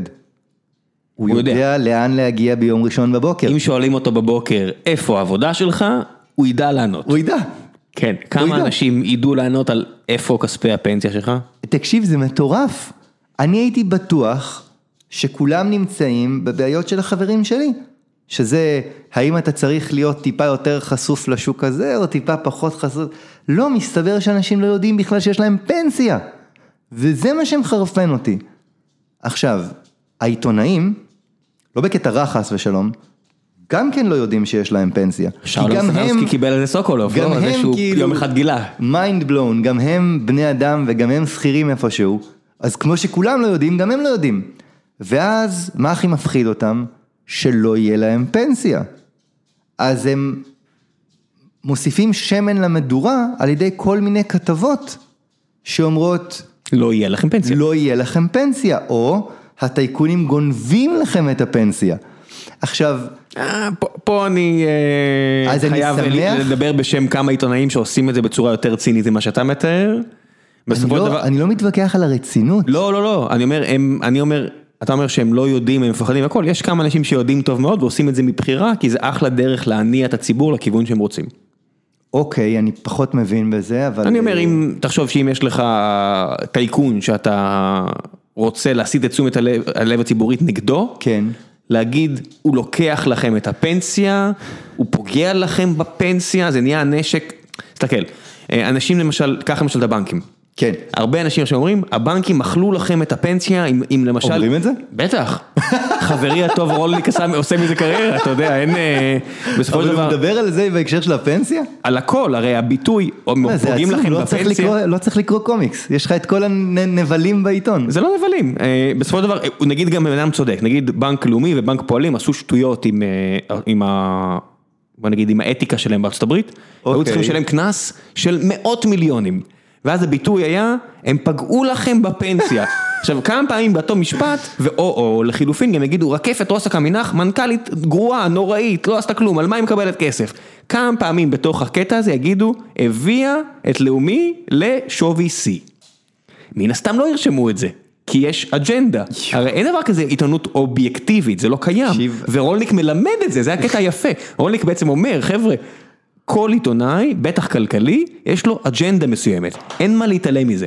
וכשיש מסע צלב נגד הבנקים, או נגד גופים גדולים, יש מטרה. ואני לא אומר שאי אפשר לטייב את הבנקים, אני הראשון שאומר אתה אמרת שקראת אותי בפייסבוק, אתה יודע שאפילו בתור עובד בנק הייתי משתגע ברמה של ועד, ועד העובדים לא אהב אותי כל כך, כי אני לא, אני נגד הגישה שבה זה נוהל, אבל אי אפשר אה, להשתמש בטיעון, הם פוגעים לכם בפנסיה, כשהבנקים החזירו הרבה ערך לבעלי המניות שלהם, אם, אם אתם, אם הפנסיה שלכם מושקעת בלאומי, ולאומי. ולאומי כרגע בשווי שיא. זה אה, בדיחה, עזוב, בלי בנקים היינו פה גרים בבתים לא, מבוץ. מצד שני אני גם לא אוהב את הגישה הזאת שהיו שואלים את אה, רקפת מה את עושה, אני שומרת על הכסף, אני אומר בוא בוא נשים את האיזון מצד שני הצדדים, שהאג'נדה של אלה לא יביאו לדמגוגיה והאג'נדה של אלה לא יביאו לדמגוגיה, כן? אבל העניין הזה של פנסיה, כמו שאתה אומר, זה רגשית כל כך חזק. אז זה, אני, אני רוצה רגע לעשות backflick כן. לאחור לפתיחת הקבוצה. זה משהו שלי היה תמיד ברור מאליו, ולדעתי גם זאת הסיבה שהקבוצה גדלה בפופולריות שלה מהר. וזה משהו שתמיד אמרתי לחברים שלי, ש... וגם אהבתי שמישהו שאל את השאלה הזאת בתגובה ל... תכף נגיע לשאלות מהקהל. אה. מה הטעות הכלכלית הכי נפוצה? אז הטעות הכלכלית הכי נפוצה זה להסתכל על הפילוסופיה ולא על הפרקטיקה, אוקיי? אז בוא רגע לצורך העניין נגיד, כי מה אכפת לי להגיד? אני לא בדקתי את זה. בוא נגיד, שהבנקים. אכלו לנו את הפנסיה. בוא נגיד, מה זה אומר אבל? לא בוא נגיד, בוא נגיד, בוא אוקיי, נגיד. שהם נכנסו לחשבון בנק שלך, האישי, ולקחו משם כסף, כן, והם משתמשים בו לצרכים שלהם, לא יודע. של האוטו יפה שלהם. בדיוק. אז בוא נגיד שזה מה שקרה. כי למה לא? למה שלא נגיד את זה? אני לא בדקתי, אולי זה קרה. ובמקום לקרוא על זה כתבה בעיתון, לכתוב אה, אה, בפייסבוק, ללכת להפגנה, בוא במקום זה, פשוט נלך פרקטית ונגיד, איך אני יכול למנוע מהבנקאי הרשע, שנראה כמו גרגמל, נכון. יהודי. ליהודי. יהודי קרח עם אף גדול. איך אני יכול לגרום לו. שלא יוכל להוציא לי מהפנסיה? כן. וזאת הטעות הכלכלית מספר אחת. צריך לשמור את הדיונים התיאורטיים לפוליטיקה. תשמע, זה לא תמיד היה, זה זה די חדש גם, היכולת לה- להצמיד את הכסף שלנו למדדים היא לא אז תמיד אני הייתה. אומר לך, או שכן. זה תמיד, מאז ומעולם, בן אדם יכל לשלוט על הפיננסים שלו. עד לרמה הזו? בכל, תשמע, אני, אין לי מכונת זמן, אני לא הייתי אז. לא, אני אומר, זה לא חדש העניין הזה שאני יכול אני לא- להצמיד ל-S&P שנייה, 500? שנייה, שנייה, אני לא הייתי, אני לא אני הייתי. גם- אני גם לא יודע, כן? אבל אני אומר שכבר מ... מתי התחלתי להתעסק בדברים האלה? סליחה, מתי התחלתי להתעסק בדברים האלה? בוא נגיד, הייתי בן 20, אז נגיד שנת 2000. אז כבר משנת 2000, שים רגע בצד את הנושא של הפנסיה, כבר משנת 2000, בן אדם יכל לשלוט, לקחת שליטה על הכסף שלו. שמע, נכון, אתה- אתה צודק, כי אתה תמיד יכול לשלם קנס ולקחת, מה תעשה איתו מה שאתה רוצה. אתה מדבר ספציפית על הפנסיה, אבל אני מדבר, בוא נלך יותר רחוק מזה. כל הכסף שלך. מה זה כל הכסף שלי מעבר לפנסיה השתלמות ו... אולי יש לך בחשבון בנק כסף, אולי יש לך דירה, אולי יש לך... כן. זה עוד משהו ש... אתה יודע, אתה יודע כמה כסף יש בעובר ושב של אזרחים ישראלים? זה מספר מטורף. אני לא אני לא יודע אם מותר לי לחלוק את זה בכלל, אבל זה... אה, פשוט אין אני לי- אין לי אותו. משהו נגד, אין לי זה- משהו זה- נגד. זה מלא אפסים. לי יש, לי יש בחשבון עובר ושב סכום מסוים, שאנחנו כן, נקרא לו, אפילו. אנחנו נקרא לו 100 אלף שקל, כן. כדי לא לייצר אנטגוניזם, ואין לי משהו נגד מזומן, אתה חלק אין לי- מאותו אין לי. שום דבר נגד מזומן, אני לא חושב, אני פשוט משלם 2% לשנה על ה- על הזכות להחזיק את הכסף שלי כשאתה בשקלים. אומר שאתה משלם 2%, אתה בעצם אומר זה 2% שאתה לא עושה אותם באפיקים מאוד סולידיים. נראה לי, נראה לי האינפלציה טווח ארוך זה 2%, סתם אני זורק, לא יודע, אין לי משהו נגד מזומן בקיצור. לא, לא, אני לא אמרתי בעד או נגד, אני רק כן. אומר, יש המון כן, כסף המון, בעובר ושב. המון. ותקשיב, בן אדם קונה אוטו, בן אדם קונה אוכל, בן... יש, יש חיים כלכליים, כן. ובן אדם יכול לקחת עליהם שליטה. הוא יכול. עכשיו, אז אני אומר, תמיד רק פרקטיקה. כל דבר שבן אדם אומר פילוסופיה, אז ככה, קחו את העצה שלי, אם זה בפייסבוק, לא בקבוצה, באישי שלי, ובן אדם מדבר יותר מדי על פילוסופיה במקום פרקטיקה, שוב, בהקשר של כסף אני מדבר, אני לא מדבר בהקשר של פוליטיקה, שזה הכל פילוסופיה או דברים כאלה. אם הוא מדבר על כסף בצורה פילוסופית, זה לא בסדר שעשו לנו ככה, או צריך לעשות ככה, אז אני עושה לו הייד. פשוט תעשו הייד לאנשים מהחיים שלכם. כן, זה הגדרת האוהד לפילוסופי. תתמקדו כן. בפרקטיקה. אז אם משהו מטריד אתכם, תתחילו מללמוד על זה, כדי שזה לא יטריד אתכם, כי אתם עובדים נורא קשה, וזה לא, אתם צריכים ליהנות. אפשר להכליל את זה גם, הזכרנו את ברידג'ווטר, אז ריי דליו, שאני מציין פה הרבה את הספר שלו, פרינציפול, אז הוא אומר, וזה אחד המאפיינים הכי גדולים בעיניי ל-growth personality, וזרקתי פה הרבה buzzwords, אבל אני אסביר, כשכואב לך משהו, תקיף את זה בעיגול, תדע שכואב לך ותטפל בזה. בול. מי שלא עושה את זה, הרבה פעמים זה מאפיין להיעדר אה, אישיות גדילה, אני לא יודע איך לתרגם את זה בעברית, growth personality, היכולת של בן אדם לצמוח, כי רובנו יש דברים שכואבים לנו, אם זה במערכות היחסים, עם, עם בן או בת הזוג, עם הילדים, עם העמיתים לעבודה, או בקריירה שלנו, או עם הכסף שלנו, וזה כואב לנו שנים, ואנחנו לא מטפלים בזה, וזה אחד הדברים הכי בעייתיים למקסום אושר. אני אגיד לך אפילו לא משהו. אני מבין, ואני אגיד לך אפילו משהו שלדעתי, אתה תגיד ש- I went too far, אבל אני אומר לאנשים, אם זה כואב לכם ואתם לא רוצים ללמוד, נגיד פנסיה, נגיד פנסיה, קראתם בעיתון שהבנקאי הרשע היהודי הקרח גונב לכם מהבנק אוקיי. את הכסף שלכם, של הילדים שלכם, ומשתמ... והוא קונה עם זה אוטו יפה, ואתם לא רוצים ללמוד על זה. אל תקראו את זה. לפחות תעשו הייד. בוודאי. תגידו אוקיי, אז. אני, אין לי פנסיה. סבבה. בוודאי. אנשים חיו טוב מאוד בלי פנסיה ויחיו טוב מאוד גם בלי פנסיה בעתיד. יש, למשל, כשעזבנו את הארץ, אחת המחשבות שלנו היו, אנחנו מתחילים לייצר רק מספיק כסף כדי לחיות. למשל בקמבודיה כשהייתי ברמן, אז קיבלנו תמורת הבירמון רק אוכל ומקום לישון. איך זה נקרא קיפ המטבע שלהם? לא, קיפ זה לאוס. הוא, אני לא זוכר. לא משנה. ו... ואמרנו, אבל איך יהיה פנסיה? ואז פשוט גילינו שיש מלא אנשים בעולם שעובדים עד שהם מתים. הרוב המוחלט. הם פשוט עושים את זה, לא, לא, אני מדבר על מערביים עשירים. הם פשוט עושים את זה בדברים שהם אוהבים, כל מיני היפים כאלה. אז הם נגיד... אה, היפים- כמו וורן באפט. מה מה? היפים כמו וורן באפט, שאני בטוח שאין אין- שאין לו אין לו קרן פנסיה. כאלה היפים. לא, אני התכוונתי יותר נגיד למורה ליוגה בת 80 שפגשנו, אה, איזה חשמלאי בן 80 שפגשנו, שפשוט עושים משהו שהם אוהבים, והם לא מתכננים להפסיק עם זה, כי זאת הדרך שלהם לחיות. הבעיה היחידה היא מה קורה שאתה- כשאתה לא יכול יותר לעבוד במשלח ידך. אבל זה לא, זה לא פנסיה, זה ביטוח, זה משהו אחר. כן. זה ביטוח. זה, תקנה ביטוח או אל תקנה ביטוח, או תתייחס לזה, או תייצר מספיק דברים שאתה יכול לעשות כדי לעבוד עד... בכל מקרה, אני רק אומר, השאיפה זה הזאת, בחירה, כן, זה- זה בחירה. בוודאי. אל תעבוד, תגיד, אני חושב שיש לי פנסיה, אבל אני מפחד, והבנקאי גונב לי את הכסף ועכשיו לוקח. זה הכי. גרוע, כן. זה הכי- ואתה- אל תהיה שם. ואתה נתון נ- נתון לכל כך הרבה מניפולציות, יש את העניין הזה של שהאינדיאני רואה את הבן אדם הלבן, והבן אדם הלבן אומר לו, אינדיאני דג, והבן אדם הלבן אומר לו, הוא שואל אותו, האינדיאני שואל אותו, למה אתה עובד? הוא אמר, כי יום אחד אני רוצה לפרוש ולדוג כל היום, הוא אמר לו, בוא שב לידי, אני דג.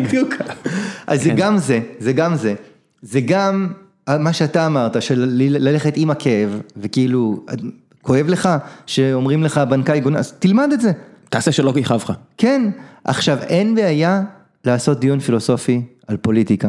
אין בעיה, שב עם החברים שלך בערב, מיותר, אבל לכו על שתה זה. בירה, כן. ת- תפתרו את כל בעיות המדינה. דברו על אבל ספורט, יותר הכסף כיף. שלכם, לך תלמד. זה לא כזה מסובך. ואז, אז לא זוכר איך הגענו להגיד, איך הגעתי להגיד לך את זה, אבל זה ככה הקמתי את הקבוצה, וזה הכלל שלי בחיים האישיים שלי. וכשראיתי את הבורות הזאת בפנסיה, אמרתי, אני אפתור את זה. הלכתי, כי לעצמי לא, לא, לא, לא היה שווה לי להשקיע את הזמן בשביל עצמי לפתור את זה.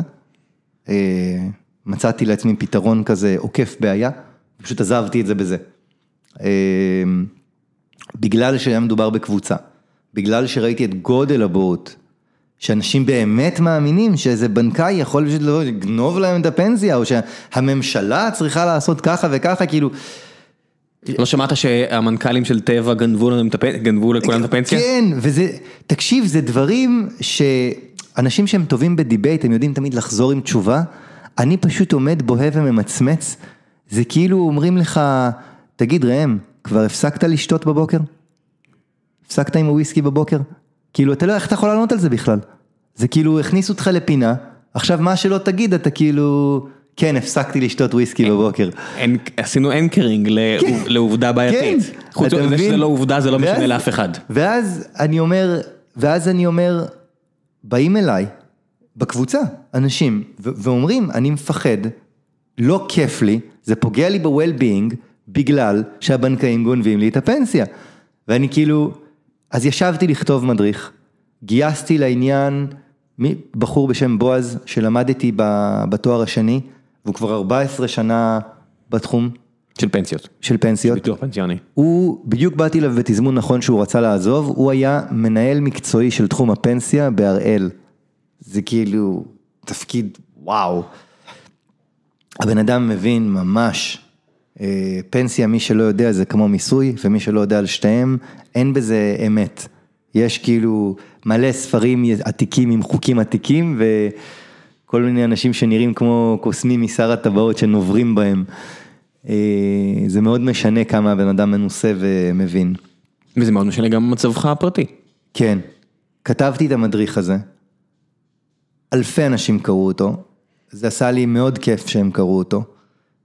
עשינו אחר כך גם קצת סדנאות על זה. כרגע מעל אלף איש שדיווחו לי אישית שהם סיימו את המדריך וחסכו ממנו מלא כסף, וכמעט 100 איש שדיווחו לי אישית שסיימו את הסדנה וחסכו מלא כסף. עיקר ה-value שאני מרגיש שזה מביא, המדריך הזה, זה ש... אגב, המדריך הוא בחינם לחלוטין, כל מי שרוצה פשוט נכנס לקבוצה והוא שם. גם לא צריך אפילו להיכנס לקבוצה, אני חושב שבהתחלה גיליתי שאפשר לשים דברים בתוך דף, ואז זה פומבי. ואז אתה לא צריך לעשות כלום, זה פשוט קורה. כן. לא צריך להצטרף לכלום. אה, והסדנאות שאנחנו עושים, גם מאוד מאוד כיף. הפסדיות, אחת אחת. אה, אמרתי לאשתי שאני, או שאני עושה את הנינג'ה הפיננסי, או שאני קונה אוטוספורט. ואני... מה, כמשבר גיל 40? כן. ו... אמרתי לך, אוטוספורט נורא יקר בארץ וזה לא משתלם, עדיף לך לעשות סדנאות. אני, אני חושב שעוד מעט, עוד מעט, אני break even על האוטוספורט. עוד מעט. לא הרבה. מבחינת כמות הדופמין שקיבלת וה... מבחינת כמות מה הכסף ששפכתי על הנינג'ה. יש, אני חושב שסיפרתי את זה פעם, אבל עבדתי באחת מהחברות הכי גדולות בעולם, מבחינת ערך, מבחינת ערך שוק, לפחות עכשיו הוא עובד שם, והוא אחד המהנדסים הכי טובים שם, והתחביב שלו היה מכונות ספורט, הוא בונה אותם, הוא בנה... בונה מה? מכונה? בונה מכונית ספורט. וואו. כן, בנה פורשה, מחלק חלק, כל מי שהיה טס, היה מביא לו חלק אחר, והוא אמר שהטריק הכי טוב לדברים האלה, זה לא לנהל אקסל על כל ההוצאות הקטנות, כי יש סיכוי שבן זוגך או זוגתך יגלו את האקסל הזה, והתחביב ימות. בדיוק. אבל הוא בנה אותו, הוא הגיע איתו לעבודה. תראה, היתרון הגדול של לעשות תחביב כזה, שכל ההוצאות מוכרות. מה שאומר במקרה שלי, אני דוחף את כל ההוצאות על הנינג'ה לעסק.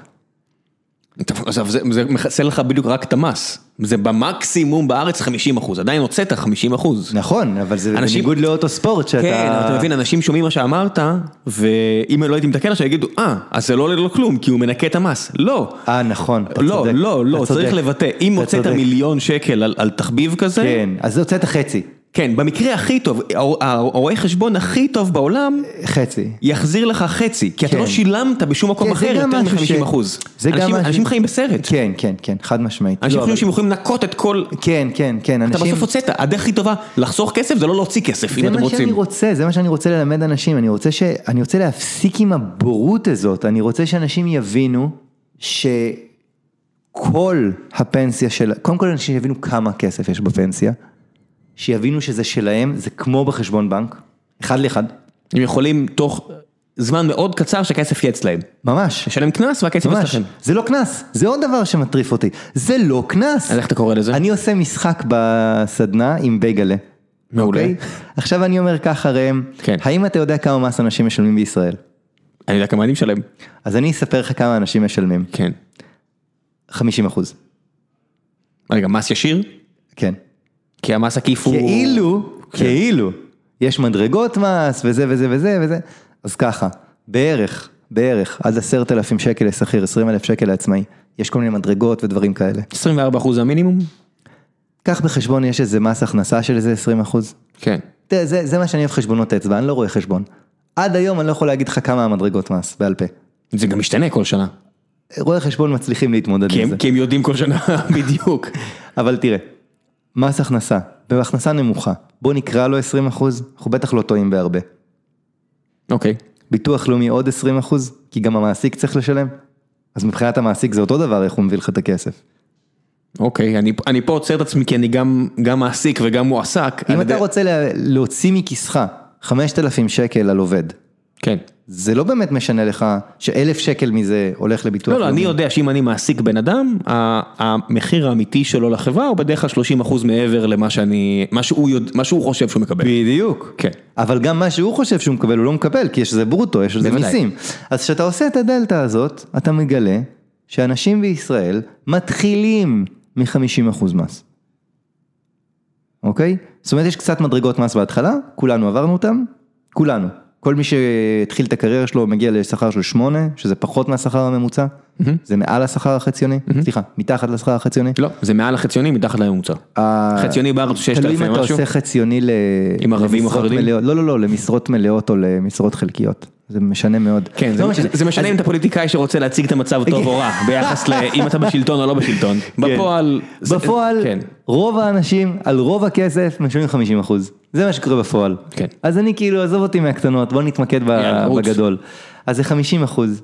ואם אנשים באמת היו יודעים שהם משלמים 50 אחוז, ואז אם הם פודים את כספי הפנסיה שלהם, שלא שילמו 50 אחוז, הם פשוט משלמים את ה-50 אחוז האלה בחזרה. זה הקנס. אז מה קרה? לא, זה- הק- הקנס מבחינתי זה... אה, ביטול הטבה זה לא קנס. אז אני, אני, אני לא יודע, המילה קנס, אני שם אותה, אה, אני משתמש בה כדי ליצור לפחות את המחיר הנפשי, הקוגניטיבי על זה. למה? אם יש לך משהו יותר טוב לעשות עם הכסף, זה לא קנס. אם אין לך משהו, אם אתה עכשיו לוקח את הכסף של הפנסיה וקונה מכונית ספורט, או יוצא אה, לחופשה, ואתה לא איזה מיליונר ש... אה, סתם דעתי אישית, כן? ש, שיש לו את הכסף ספייר הזה, אז זה קנס. אני מסתכל על זה כקנס, כי זה- זה קנס על העתיד שלך. אני מבין את ההסתכלות הזאת, אבל בוא נשאל מה היא משרתת.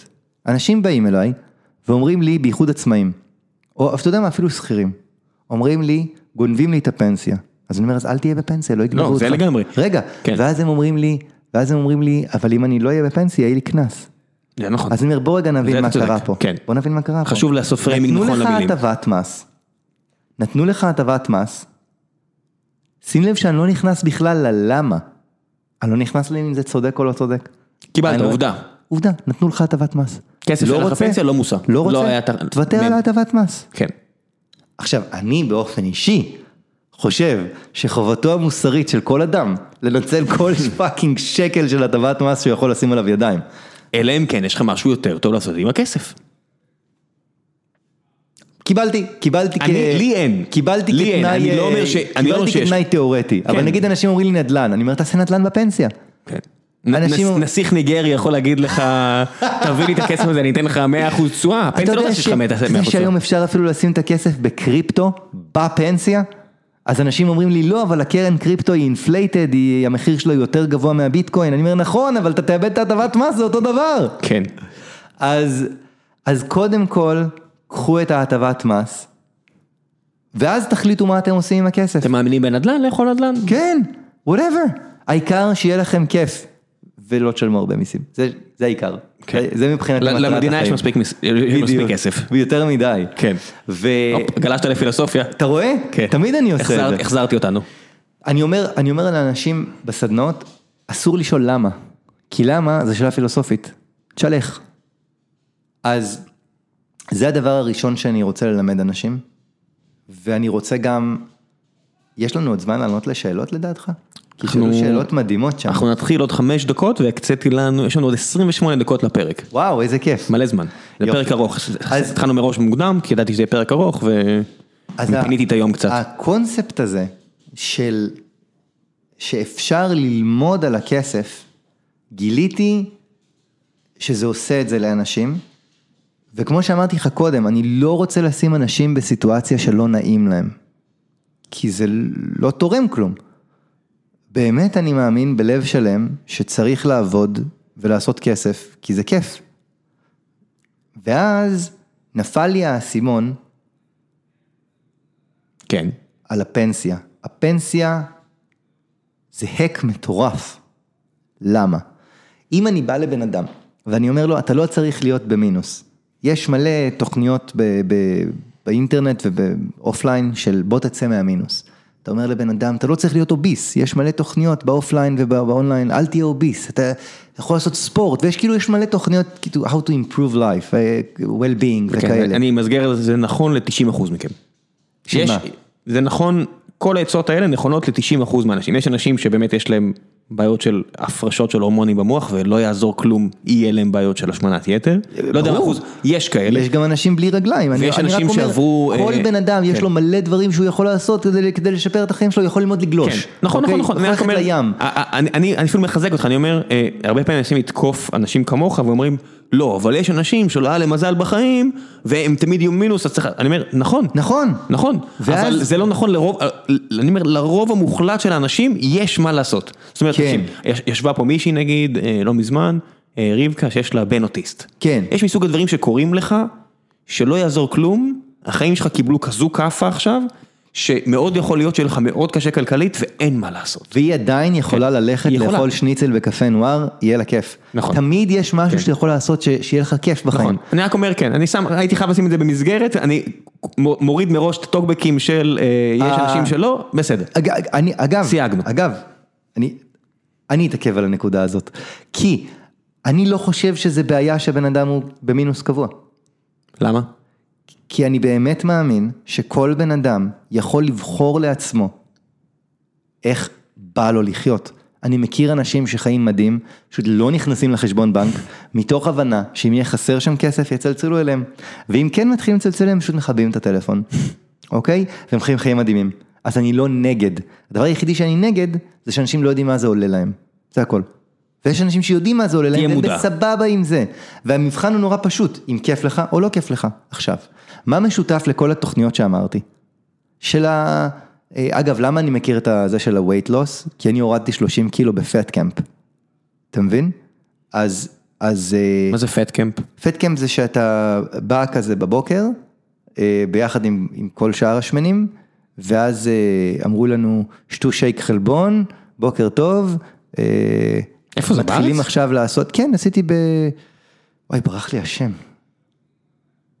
לא זוכר. כי זה, כי בקיצור, זה עבד, אתה איש רזה עכשיו, אז כן, צריך כן, לכל כן, הפחות תפרגן להם. זה, עבד, עבד, עבד לגמרי, אני שלחתי אחר כך את כל החברים, שלי, שמי שהיה שמן לזה, זה כאילו, פשוט אה, כמה חודשים, מהבוקר עד הערב, אתה רק שותה שייק חלבון, רץ, הולך, עושה אופניים, מרים משקולות, זה מהבוקר עד הערב, אתה אומר. צורך פחות קלוריות, מוציא יותר קלוריות, כן, ולא כן. אוכל סוכר, זה עובד? כן, כן, כן.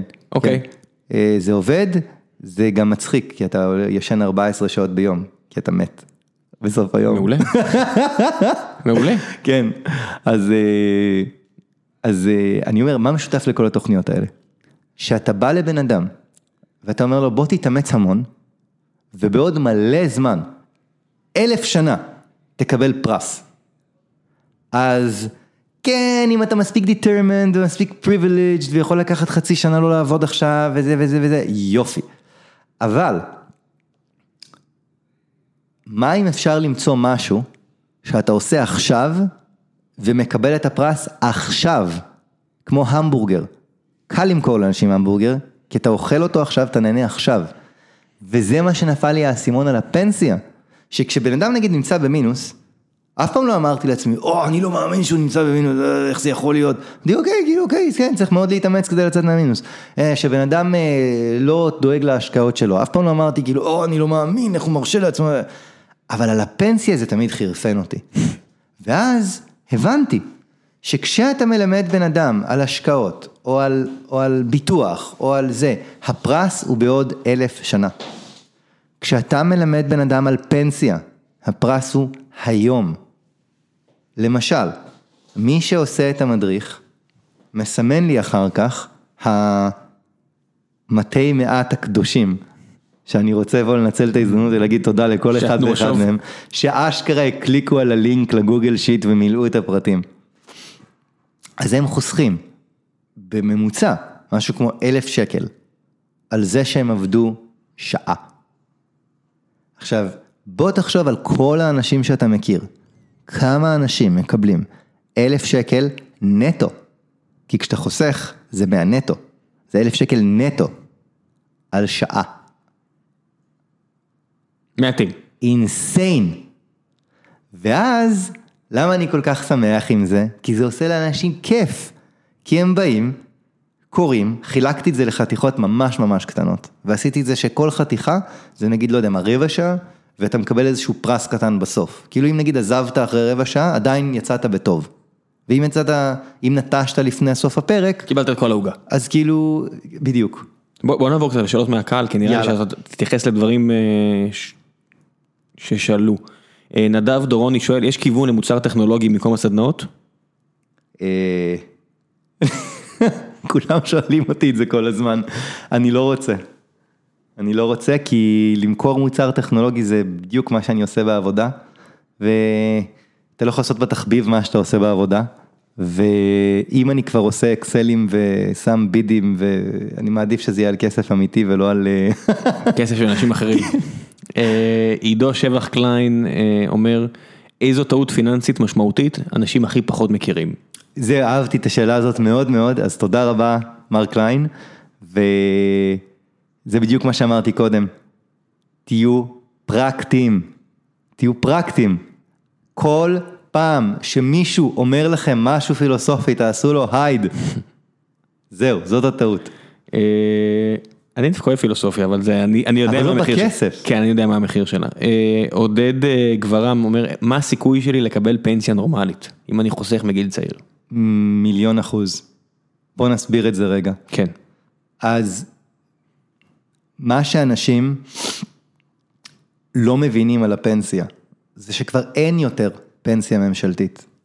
זה כבר המון שנים לא ככה. כמו שאתה מקבל את הנטו שלך לבנק, אתה מקבל עוד נטו, שהולך לאן שאתה בחרת. אז כבר בחודש הראשון של עבודה, של כל שכיר בישראל, להוציא מקרה קצה שאנשים מאוד צעירים, אז נותנים להם בחודש הרביעי, whatever. נגיד כל, כבר בשנה הראשונה של העבודה, של כל שכיר בישראל, יש סכום מסוים שרשום על שמך, שנמצא במשהו שהוא לכל צורך פרקטי בנק, כאילו, הוא בחשבון בנק. הוא בחשבון בנק בדיוק, תודה כן. רבה, וזה שלך. אז הסיכוי שתהיה לך פנסיה נורמלית הוא 100% מהסיבה שהיא כבר אצלך. הכסף כן. כבר אצלך. אתה הולך, אתה מבין, הוא שואל שאלה פילוסופית ואתה ענית פרקטי. מה שהוא שאל, כן. זה מה הסיכוי שבגיל 60 ומשהו, הוא כן. יוכל להפסיק לעבוד ולקבל את אותו משכורת שהוא כן. הרוויח כל החיים, והסיכוי לזה נמוך. כי אתה צריך להבין שגם פנסיה אידיאלית מביאה אז- לך פחות ממה שקיבלת, זה נפרס על גבי... לא, לא, שנייה, בוא נעשה סדר. כן. אני אגיד משהו שאני לא אוהב לעשות, אבל רק תיתן לי אחר כך להסביר למה אני לא אוהב לעשות לך אותו. זה. בן אדם שהתחיל לעבוד מגיל צעיר, ולא שבר את הפנסיה שלו, לא משכת כספי פיצויים. לא משך כספי פיצויים, משאיר את הקרן השתלמות, אפילו בלי הקרן השתלמות, לא משנה. כן, כי קרן השתלמות זה לא פנסיה. כן. תמחקו את השורה הזאת, תשאירו את הקרן השתלמות בפנים. אה, ובכן, אותו בן אדם, שלא הוציא את הכסף, ההסתברות שהוא יקבל קצבה, שהיא שונה באופן מהותי מה, מההכנסה שלו, הוא מאוד נמוך. לא, זה- קרן השתלמות זה הבדל גדול. אם יש לך רגע, קרן השתלמות זה הבדל גדול. שנייה, שנייה. אני עשיתי מלא אקסלים, גם פסימיים, גם אופטימיים, משתנה הגיל פרישה, מלא דברים. נכון שהקרן השתלמות היא גדולה, יש דברים עוד יותר גדולים. כמו למשל שאנשים מושכים את הפיצויים, הכי גדול. הכי גדול. כמו למשל שאנשים לא טורחים להתעסק בפנסיה, וזה משפיע גם. השני הכי גדול. השני הכי גדול. כמו למשל שאנשים לא עובדים ברציפות, ומתעלמים מזה שהם לא עבדו ברציפות. כל מיני דברים כאלה. אבל, רוב האנשים, כי יש כאילו מספיק, אני מפחד להגיד את זה, שאנשים אחר כך לא, לא יוציאו כסף, יש מספיק שכבות ביטחון, כדי שרוב האנשים, בגיל 67, או בנשים בגיל שיש, whatever, גם הם 62 צריכות- גם הם היום. צריכות 67, כאילו זה, לא ניכנס לזה. מטופ- מטופש רוב בעליל. האנשים מגיל 60 עד גיל 70 יוכלו לצאת לפנסיה עם אותה הכנסה שהם נכנסו לפנסיה. הסיבה היא שההפרשה לפנסיה בישראל היא עצומה, מדובר על 30 אחוז מהברוטו.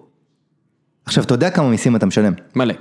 ואז אתה יודע מה אני אומר, שכשאני מדבר מהברוטו לנטו זה פער אדיר, אז כשאני אומר 30 אחוז מהברוטו, אמור להביא אותך בערך לנטו, אתה אומר, פלוס רוב החיסכון עצמו. האנשים, אני ממש מקווה שאנשים לא ייקחו את מה שאני אומר עכשיו למקום הלא נכון, רוב האנשים יוכלו לפרוש בגיל 50-55, אוקיי?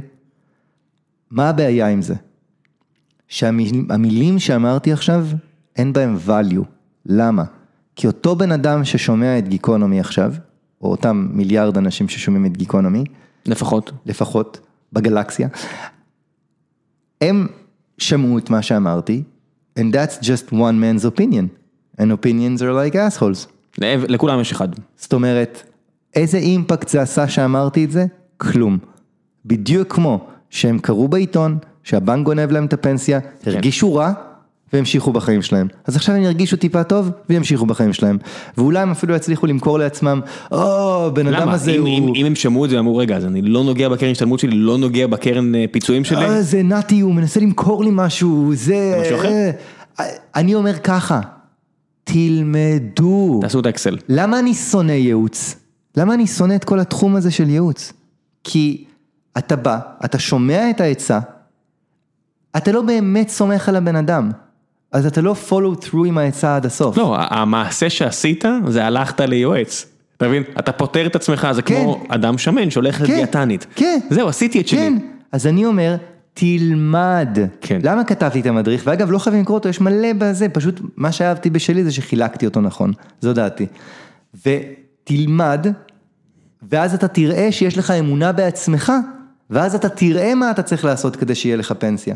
בוא ניקח עוד שאלה. אסף לובנטל שואל, "ב- באילו מקרים כדאי למשוך את הפיצויים? למשל, האם מומלץ עבור כיסוי חלק קטן מהמשכנתה? סופר מורכב, מה שצריך לעשות זה פשוט אקסל מסודר, שכדי לעשות אותו צריך להבין גם במשכנתה וגם בפנסיה, ורק אז אפשר להשוות בין האופציות. יש סיטואציות שכנראה זה נכון, אה, אני לא יודע אם הם הרבה סיטואציות, יש הרבה סיטואציות כאלה או לא, כמו שאמרת, תלוי במקרה. אין לי מה להגיד אה, חותך כן או לא. נכון. באופן גורף, כנראה שבהרבה מקרים עדיף לא לגעת בכספי הפיצויים. אם הייתי צריך לקחת אופן גורף, הייתי אומר לא לגעת. אה, בנימין או בנג'מין מיכאלי, במה כדאי להשקיע? סכום לדוגמה של עשרת אלפים שקלים, רואה כהשקעה לטווח ארוך, מובן שכמו כל השקעה אפשר גם להפסיד. בכנות, זה לא התשובה שהכנתי מהבית, אבל זו התשובה שאני מאמין בה. עדיף לקחת עם זה אה, עוזרת שתחליף את זה שאתה מנקה את הבית, או מה שאתה יכול לעשות כדי לפנות לך זמן, וללכת. ללמוד על פנסיה. וללמוד, לא, לא רק הפנסיה. לך תלמד מה זה השקעות. כן. במקום לקבל תשובה של one liner בפודקאסט. כן, כי גם אם אתה מקבל את התשובה של ה one liner, מי אמר שהיא טובה, ואיך תדע אם היא טובה? אה, אופיר אה, ארצי או ארזי, אה, מה אתה חושב על הגישה הכלכלית של הסולידית? מה הכוונה, הגישה? לא הבנתי גם את השאלה. להוציא פחות. לעבוד קשה כדי להוציא פחות. זאת אומרת, אז אני לא קראתי אף פעם את הסולידית ככה, בגלל זה לא חשבתי שיש לה גישה כלכלית. אני תמיד קראתי את הסולידית בתור, תעשו שיהיה לכם טוב. ואז אם טוב לכם להיות אני בעבודה, מניח אני מניח שלזה הוא התכוון, כן, שלהוציא דעתי, פחות. דעתי, ש... שאם עושה לך טוב להוציא פחות, אז תוציא פחות, ואם עושה לך רע להוציא פחות, אל תוציא פחות, ומה שבטוח זה, תדע שיש לך אופציות. זאת התשובה שלי. ניב אה, בי או ב שואל, אה, מה המדינה שהכי כדאי להשקיע בה בעולם כיום, בנדל"ן או בשוק ההון? אין לי מושג קלוש, אבל אני יכול להגיד לך שאם מישהו אומר לך את זה, גם לו אין מושג קלוש. סביר מאוד להניח. אני לא יודע, נראה לי שוונצואלה זה לא מקום טוב להשקיע, אני לא יודע מה מקום, מה... לך תדע, עוד עשר שנים כאילו אנשים יגידו מה, קניתי בגרושים בוונצואלה. קניתי את קרקס. אני, ככה קוראים לעיר בירה שם? מה? קרקס העיר בירה שם? אני הכי גרוע בגיאוגרפיה. אז אם ככה קוראים אז קניתי אותה. קנית. כן. אה, אביחי אלמאיה שואל, עד כמה אסון הפנסיה התקציבית גדול מ-1 עד 10? מה הבעיה עם הפנסיה של הרוסים? פילוסופיה. לא עונה. מה הבעיה של הפנסיה עם הרוסים? אין לי מושג, לא שמעתי על זה אפילו, אני לא רוסי. אה, הגיעו, אני חושב, אנשים אה, מרוסיה בעלייה של שנות ה-90 ו-2000, אוקיי. אין להם פנסיה. אוקיי. אני, חושב שזו הבעיה. אז שימצא, כמו בתובנה ייצוגית, שימצא רוסי שיש לו בעיית פנסיה. ושיכתוב לי. כי למשל מישהי בקבוצה כתבה לי, אימא שלי עלתה בגיל מבוגר, אין לה פנסיה, היא עובדת בבית חולים בשכר נמוך, מה עושים? אז השאלה עלתה לקבוצה, ומה שרוב האנשים ענו לה, זה פשוט שתמשיך לעבוד. ואז היא אמרה, וואלה, ברירה. דיברתי על זה עם אימא שלי, והיא לא נשמע שיש לה בעיה להמשיך לעבוד. כן, אין, אין לה ברירות, והיא גם בתרבות הזאת, זה מה יש. אה, יש פה הרבה שאלות. בוא נראה, אה, נעשה עוד שתיים, שלוש. אה, מה דעתך על ביטוח לאומי ומנגנון הפנסיה אה, בתוצר, בת- בצורה הקיימת שלו? האם היית משנה את המנגנון, ואם כן, כיצד? מיכאל לויט. אין לי מושג קלוש אפילו איך להתחיל לענות על זה. כן. תן לי מנגנון, אני אעשה לו האקינג, עזוב, לא, לא פותר בעיות גלובליות. אוקיי, מישהו פה שאל על, אוקיי, משה אשכנזי שואל, כלי פיננסי נוח לחיסכון חודשי וקבוע לילדים. אה, הייתי אומר להתחיל מללמוד את הפנסיה, כי רוב החיסכון לילדים הטוב ביותר, עם הכי הרבה הטבות מס, נמצא בפנסיה. אפשר לנצל את זה לכל מיני צורות, כמו חיסכון לילדים. אתה רואה, הנה משהו אחד שעשיתי ואולי אה, ליפזתי לך לסדנה שלך, שהיא אמורה ללכת שבוע הבא, יואי, הלוואי, אני מת שהיא תגיע. ואני חושב שיש לנו איזושהי בעיה עם התאריך הזה, אבל אנחנו עובדים על זה. אה, יעלי, אתה רואה, זה מה שקורה, שאתה נהיה, שהעסק שלך, אז, או לפחות שאתה שותף פעיל בו, אז כן, יש פתאום דברים שקופצים. כן. נסיעות לחיפה. לא, לא, באמת, זה אחלה הזדמנות ואנחנו צריכים לנסוע לחיפה, אין מה לעשות. אה, יע- יעלי ברגר אה, שואלת, האם יש סדנה שאתה ממליץ למתחילים על שוק ההון? קשה לי להגיד, אני לא, קשה לי להמליץ על משהו שלא עשיתי בעצמי ואין לי מושג. לא יודע, לא, לא חושב ששוק ההון צריך סדנה. כתבתי על מדריך, שתקרא את המדריך השקעות, שהוא חלק ממדריך הפנסיה, ואם זה לא מספיק לה, שתדבר איתי, אני לא יודע, מצא פתרון. דברי איתו, יעלי. אלי ארקה שואל פה שאלה ממש של אופטימיזציה אישית כזו, בתור שכיר, האם משתלם לפתוח עסק עצמאי בנוסף בארץ? בארצות הברית יש הרבה דיבור על סייד האסל, שכירים שפותחים עסק עצמאי קטן שמייצר ערוץ הכנסה נוסף, אה, בנוסף למעביד שלהם, על מנת להגיע לעצמאות כלכלית מהר יותר ולפזר סיכונים. אני הייתי אומר ככה, אין בן אדם בישראל שלא ישתלם לו בצורה אדירה לרוץ עכשיו ולפתוח עוסק פטור ומעלה. כאילו יש אנשים שצריכים לפתוח חברה בעם, אני לא אומר, אבל כאילו אין בן אדם אני שלא מכיר ישתלם לו. שהרף הוא מיליון שקל בשנה, אתה מכיר את הרף הזה? אני לא? לא מבין למה אנשים מחשבים את הרף, זה לכל אחד האקסל יוצא תוצאה אחרת, אבל תקשיב, עוסק כן. פטור, עד 30 אלף שקל לשנה, אין אפילו ביטוח לאומי על זה. אין בן אדם, בכלל הרווח האמיתי זה לא הרווח שאתה עושה מהעוסק, הרווח זה- האמיתי זה בראש. זה היכולת שלך להוציא חשבונית. אתה מבין שאין קסם, אין קסם, אתה יכול לעשות עסקים. אתה, כן, הרבה אנשים אומרים, קופץ להם, קופצת מולם הזדמנות, והם אומרים, מה, אני אוציא לך חשבונית? אני לא יכול להוציא חשבונית, אני לא אקח את ההזדמנות מה. זה בכלל להוציא חשבונית? מה זה בכלל מיסים? מה זה ביטוח או לאומי? לחילופין, מה הם? יעשו משהו, אולי הם יצטערו עליו ויעלימו בצורה אה, בעייתית, מיסים, ויעברו על החוק. אין צורך, ו- כי בסכומים האלה לא משלמים מס גם ככה. בדיוק. זה המסקנה, א', אני ממליץ לישון טוב בלילה. בטח. לישון טוב בלילה זה משהו, אם אתם יכולים, תעשו את זה לעצמכם. בטח. לעבור על החוק, יש לזה את המחיר של זה. אין שום סיבה. מעבר למוסר אין שום סיבה. גוגל לא משלמים מס על מיליארדים, על טריליונים, אין, אין שום סיבה, זה...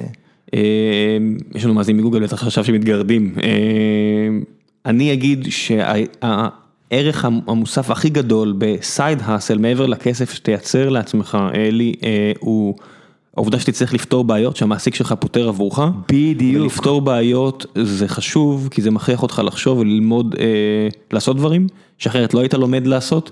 זאת אומרת, אם אתה עכשיו מרים איזשהו עסק שמכריח אותך להרים אתר אינטרנט ולעשות איזה אופרציית e-commerce קטנה, אז זה יכריח אותך לעשות את זה ואתה נכון. תוסיף לארסנל הכלים שיש לך אה, עוד דברים, והדבר הכי טוב שאתה יכול לעשות לעצמך כלכלית, זה להוסיף עוד כלים לעולר השוויצרי שהוא אתה. בדיוק. אם אתה יכול לעשות side hustle ויש לך את הפריבילגיה של זמן, אה, זאת אומרת אם זה בא על חשבון דברים מטופשים, לך על זה. אם זה בא על. חשבון דברים חשובים, תעשה את החישוב שלך. זאת אומרת כן. אם זה מונע ממך לא, זמן לראות את הילדים שלך, אני אומר, פתח. עוסק פטור. לא מעבר, אני. אומר ממש, ה side hustle כן. זה הבונוס. נכון. אני אומר, תתחיל לפתוח עוסק פטור, פעם בשנה תיתן הרצאה, פעם בשנה תעשה, ניסיתי בייביסיטר, לא יודע מה, זה כאילו משהו. משהו. כן, תעשה את זה כמו שצריך, אתה לא, אתה פטור. כן? בדיוק. אה, בוא נראה, שאלה אחרונה, אה, שמואל, נעשה את שאלה של שמואל האוסמן, ששואל הרבה שאלות נעשה את. השאלה של משה שרף. משה שרף, מה הוא שאל עליך על סמל מין? אני תכף אגיע לזה, ראיתי שיש שם הרבה אה, לייקים. אה, שמואל שואל, אה, האם אתה בעד החוק שמחייב להפריש לפנסיה? האם אין בכך פגיעה בזכות הקניין? מדוע להכריח אדם שבשנים אני שבהם... כל הזמן מקבל את השאלות האלה, אני כאילו מה אני נראה לך פילוסוף, פילוסופיה פוליטית, כאילו מה, מה זה בכלל אומר זכות הקניין, מה, יש הטבת מס, לכו קחו את ההטבת מס, אם יום אחד לא תהיה הטבת מס, אל תיקחו. כן, אנשים אה, לא מבינים שאתה יכול, תפריש, תוציא. כן, מה, ברור. אה, אנשים רואים בזה איזושהי גזירת גורל, אני- הם לא מבינים שמביאים להם מתנה. והם לא טורחים אפילו לעשות את המעט שצריך כדי ללמוד, כדי לגלות שאין שם שום דבר שהוא חובה. כן. תפריש, תיקח. כן. אני מניח שזה לא, שיש ואז אני חיכוך. אומר לאנשים, אני אומר לאנשים, אוקיי, לקחת, ביטלתי לך את ההטבת אה, מס, ולקחת את הכסף. זאת אומרת, אם אתה מרוויח 20, 6,000 שקל לחודש, הגיעו לך לחשבון בנק, שילמת מס, נשאר 3. מה אתה עושה עם השלוש האלה? זה מה שאמרתי. אז או, אני משאיר אותם בעו"ש. תשאיר אותם בעו"ש בפנסיה. כן. יש היום חברה שמוכנה לתת לך עו"ש פנסיוני, מזומן, קאש, שקלים, בלי ריבית, בלי כלום. יושבים שם. זה יהיה לך דמי ניהול מסוימים כאילו כל שנה, למי אכפת? אתה כאילו קיבלת 50% הנחה על הכסף, כאילו. יש, יש אנשים שהעבודה שלהם, בחיים שלי, שהעבודה שלהם זה להשקיע בסכומים מאוד גבוהים של כסף, והם משאירים את הכסף בפנסיה ואני שואל אותם, תגיד X או Y, למה אתה לא מוציא את הכסף? הוא אומר, כי אני לא יודע משהו יותר טוב לעשות איתו. בדיוק. ואם הם לא יודעים, אולי גם בדיוק. אתם לא צריכים לדעת. בדיוק, זה... אני רק אומר, אם אתם יודעים, אם יש לכם ילד חולה, אם יש לכם הזדמנות עסקית שאתם מאמינים בה מאוד, כן, בדיוק, תמשוך, whatever. או נגיד, אני לא יודע. עצמאים שאומרים לי, אין לי כסף להפקיד לפנסיה. אז אני אומר לו, אוקיי, מתי אתה מתכנן לפרוש? אז הוא אומר לי, בגיל 70. אז אני אומר לו, אוקיי, ומה תחיה אחרי גיל 70? ואז נופל להם האסימון. כאילו, בעצם, במידה מסוימת, אם אתה מהאנשים שמתכוונים מתישהו לפרוש, זה כן גזירת גורל שאתה צריך לחסוך לאחר כך. זה הקאץ'. כן, יש פה איזשהו. דיסוננס קוגניטיבי של אני רוצה לפרוש, אוקיי, ומי יממן לך את הפרישה הזאת? בדיוק. אתה יכול להגיד לי, אני לא רוצה לפרוש אף פעם. לגיטימי. וורן באפט, לגיטימי. אין פנסיה כי הוא לא פורש לפנסיה. לגיטימי. לחלוטין. כן, אתה רק צריך לקבל את זה. כן. ולהיות, אז משה שרף שואל איך זה להיות סמל מין וענק רוחני, ואתה כזה כל כך אנטי פילוסוף, אתה ענק חומרי. לא עונה על פילוסופיה. בבקשה, אז אין, אין שאלות. המלצות מהקהל, המלצות שלך לקהל. אז ככה. אתה צריך לשלוח לי, אבל התנאי הוא שאתה צריך לשלוח לי לינקים על כל מה שאתה מביא. אוקיי. אז אני אומר ככה. קודם כל, פתחו את העיניים ותיקחו אחריות על הכסף שלכם. אז אם אתם מקבלים את זה שאיזה מישהו שאתם לא מכירים בפודקאסט אמר לכם שהפנסיה שלכם סבבה, אל תדאגו יותר, וזה בסדר.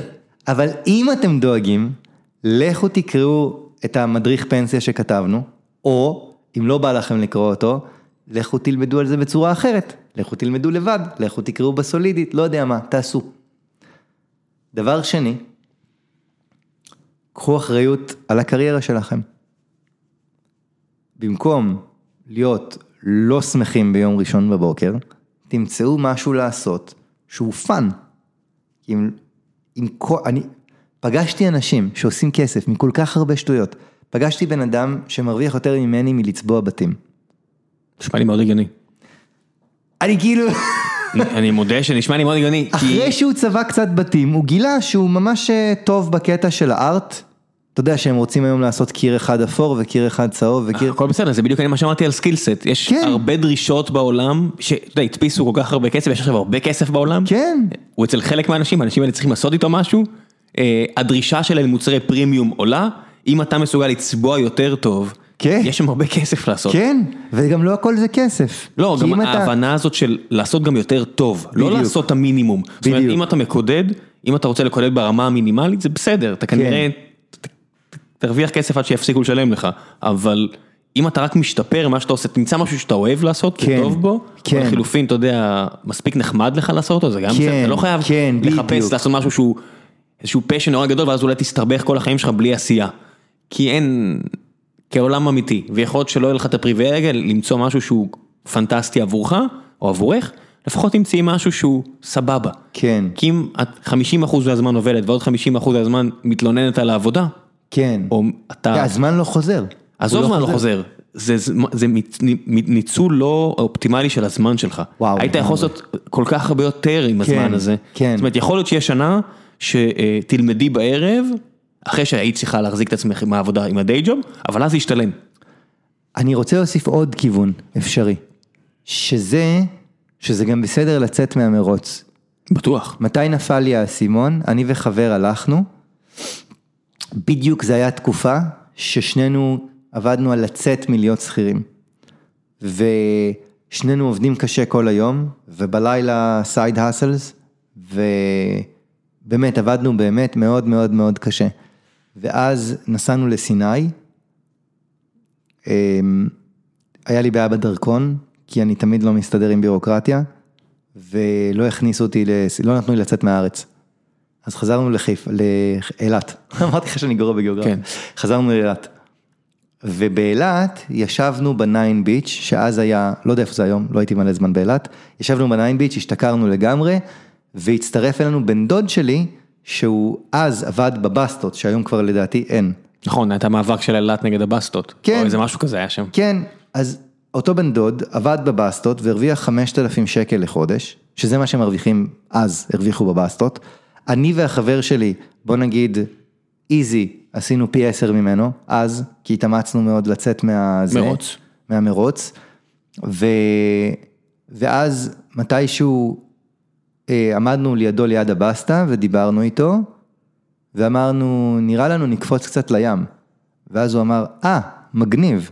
הוריד את החולצה, זרק אותה על הבסטה, אמר לבן לבסטה שלידו, שים עין, פשוט הלך איתנו לים. עכשיו, אני וחבר שלי מסתכלים אחד על השני, and something just fucking clicked, you know? כאילו, הבן אדם הזה, אין את החופש הזה. הוא חי יותר טוב ממני, אני כאילו בחופש פה, זה כאילו ה... כן, אין זה לך- ה-day to day שלו. כן. זה לגמרי בסדר לקחת סטפ back מהמרוץ. הכל זה בסדר, כאילו... הכל בסדר. תלוי- תלוי מה אתה מנסה להשיג, הכל בסדר. כן, ואני באמת חושב שאפשר להגיע לכל דבר גם שפשוט יהיה כיף. לא צריך להתאמץ כל כך הרבה, לא צריך לסבול. לגמרי, אני, אני מסכים ו... ולמה להמשיך, אני, אני מניח שהגענו פה למקסום אופטימלי של הזמן של המאזינים שלנו. אני, תודה רבה בן אדם. אני רוצה אבל אה, להגיד משהו? אה, לך תודה, אה, בכיף. וגם למאזינים שלך תודה. אם הם, אם הם רוצים למצוא אותך, לאיפה לשלוח אותם? אני, אני אתן לך לינק לנינג'ה. לא. לך. אם הם רוצים לפנות אליך. אה, שיכתבו לי באישי או בדף. אני אתן לינק לדף פייסבוק שלך ויפציצו כן, אותך. כן, מי שרוצה, בכיף. יעלי, רציתי אה, לשאול שם משהו. יש לי, אה, יש לי כזאת אפליקציה. יש שם עוד ש- כמה חבר'ה, לא זוכר, משה כן, נראה לי. מי שרוצה. משה, אם אתה רוצה לשאול לו אותו משהו, משה, תשאל אותו ברמה האישית, הוא יענה. אז אה, אני רוצה להגיד לך באמת תודה.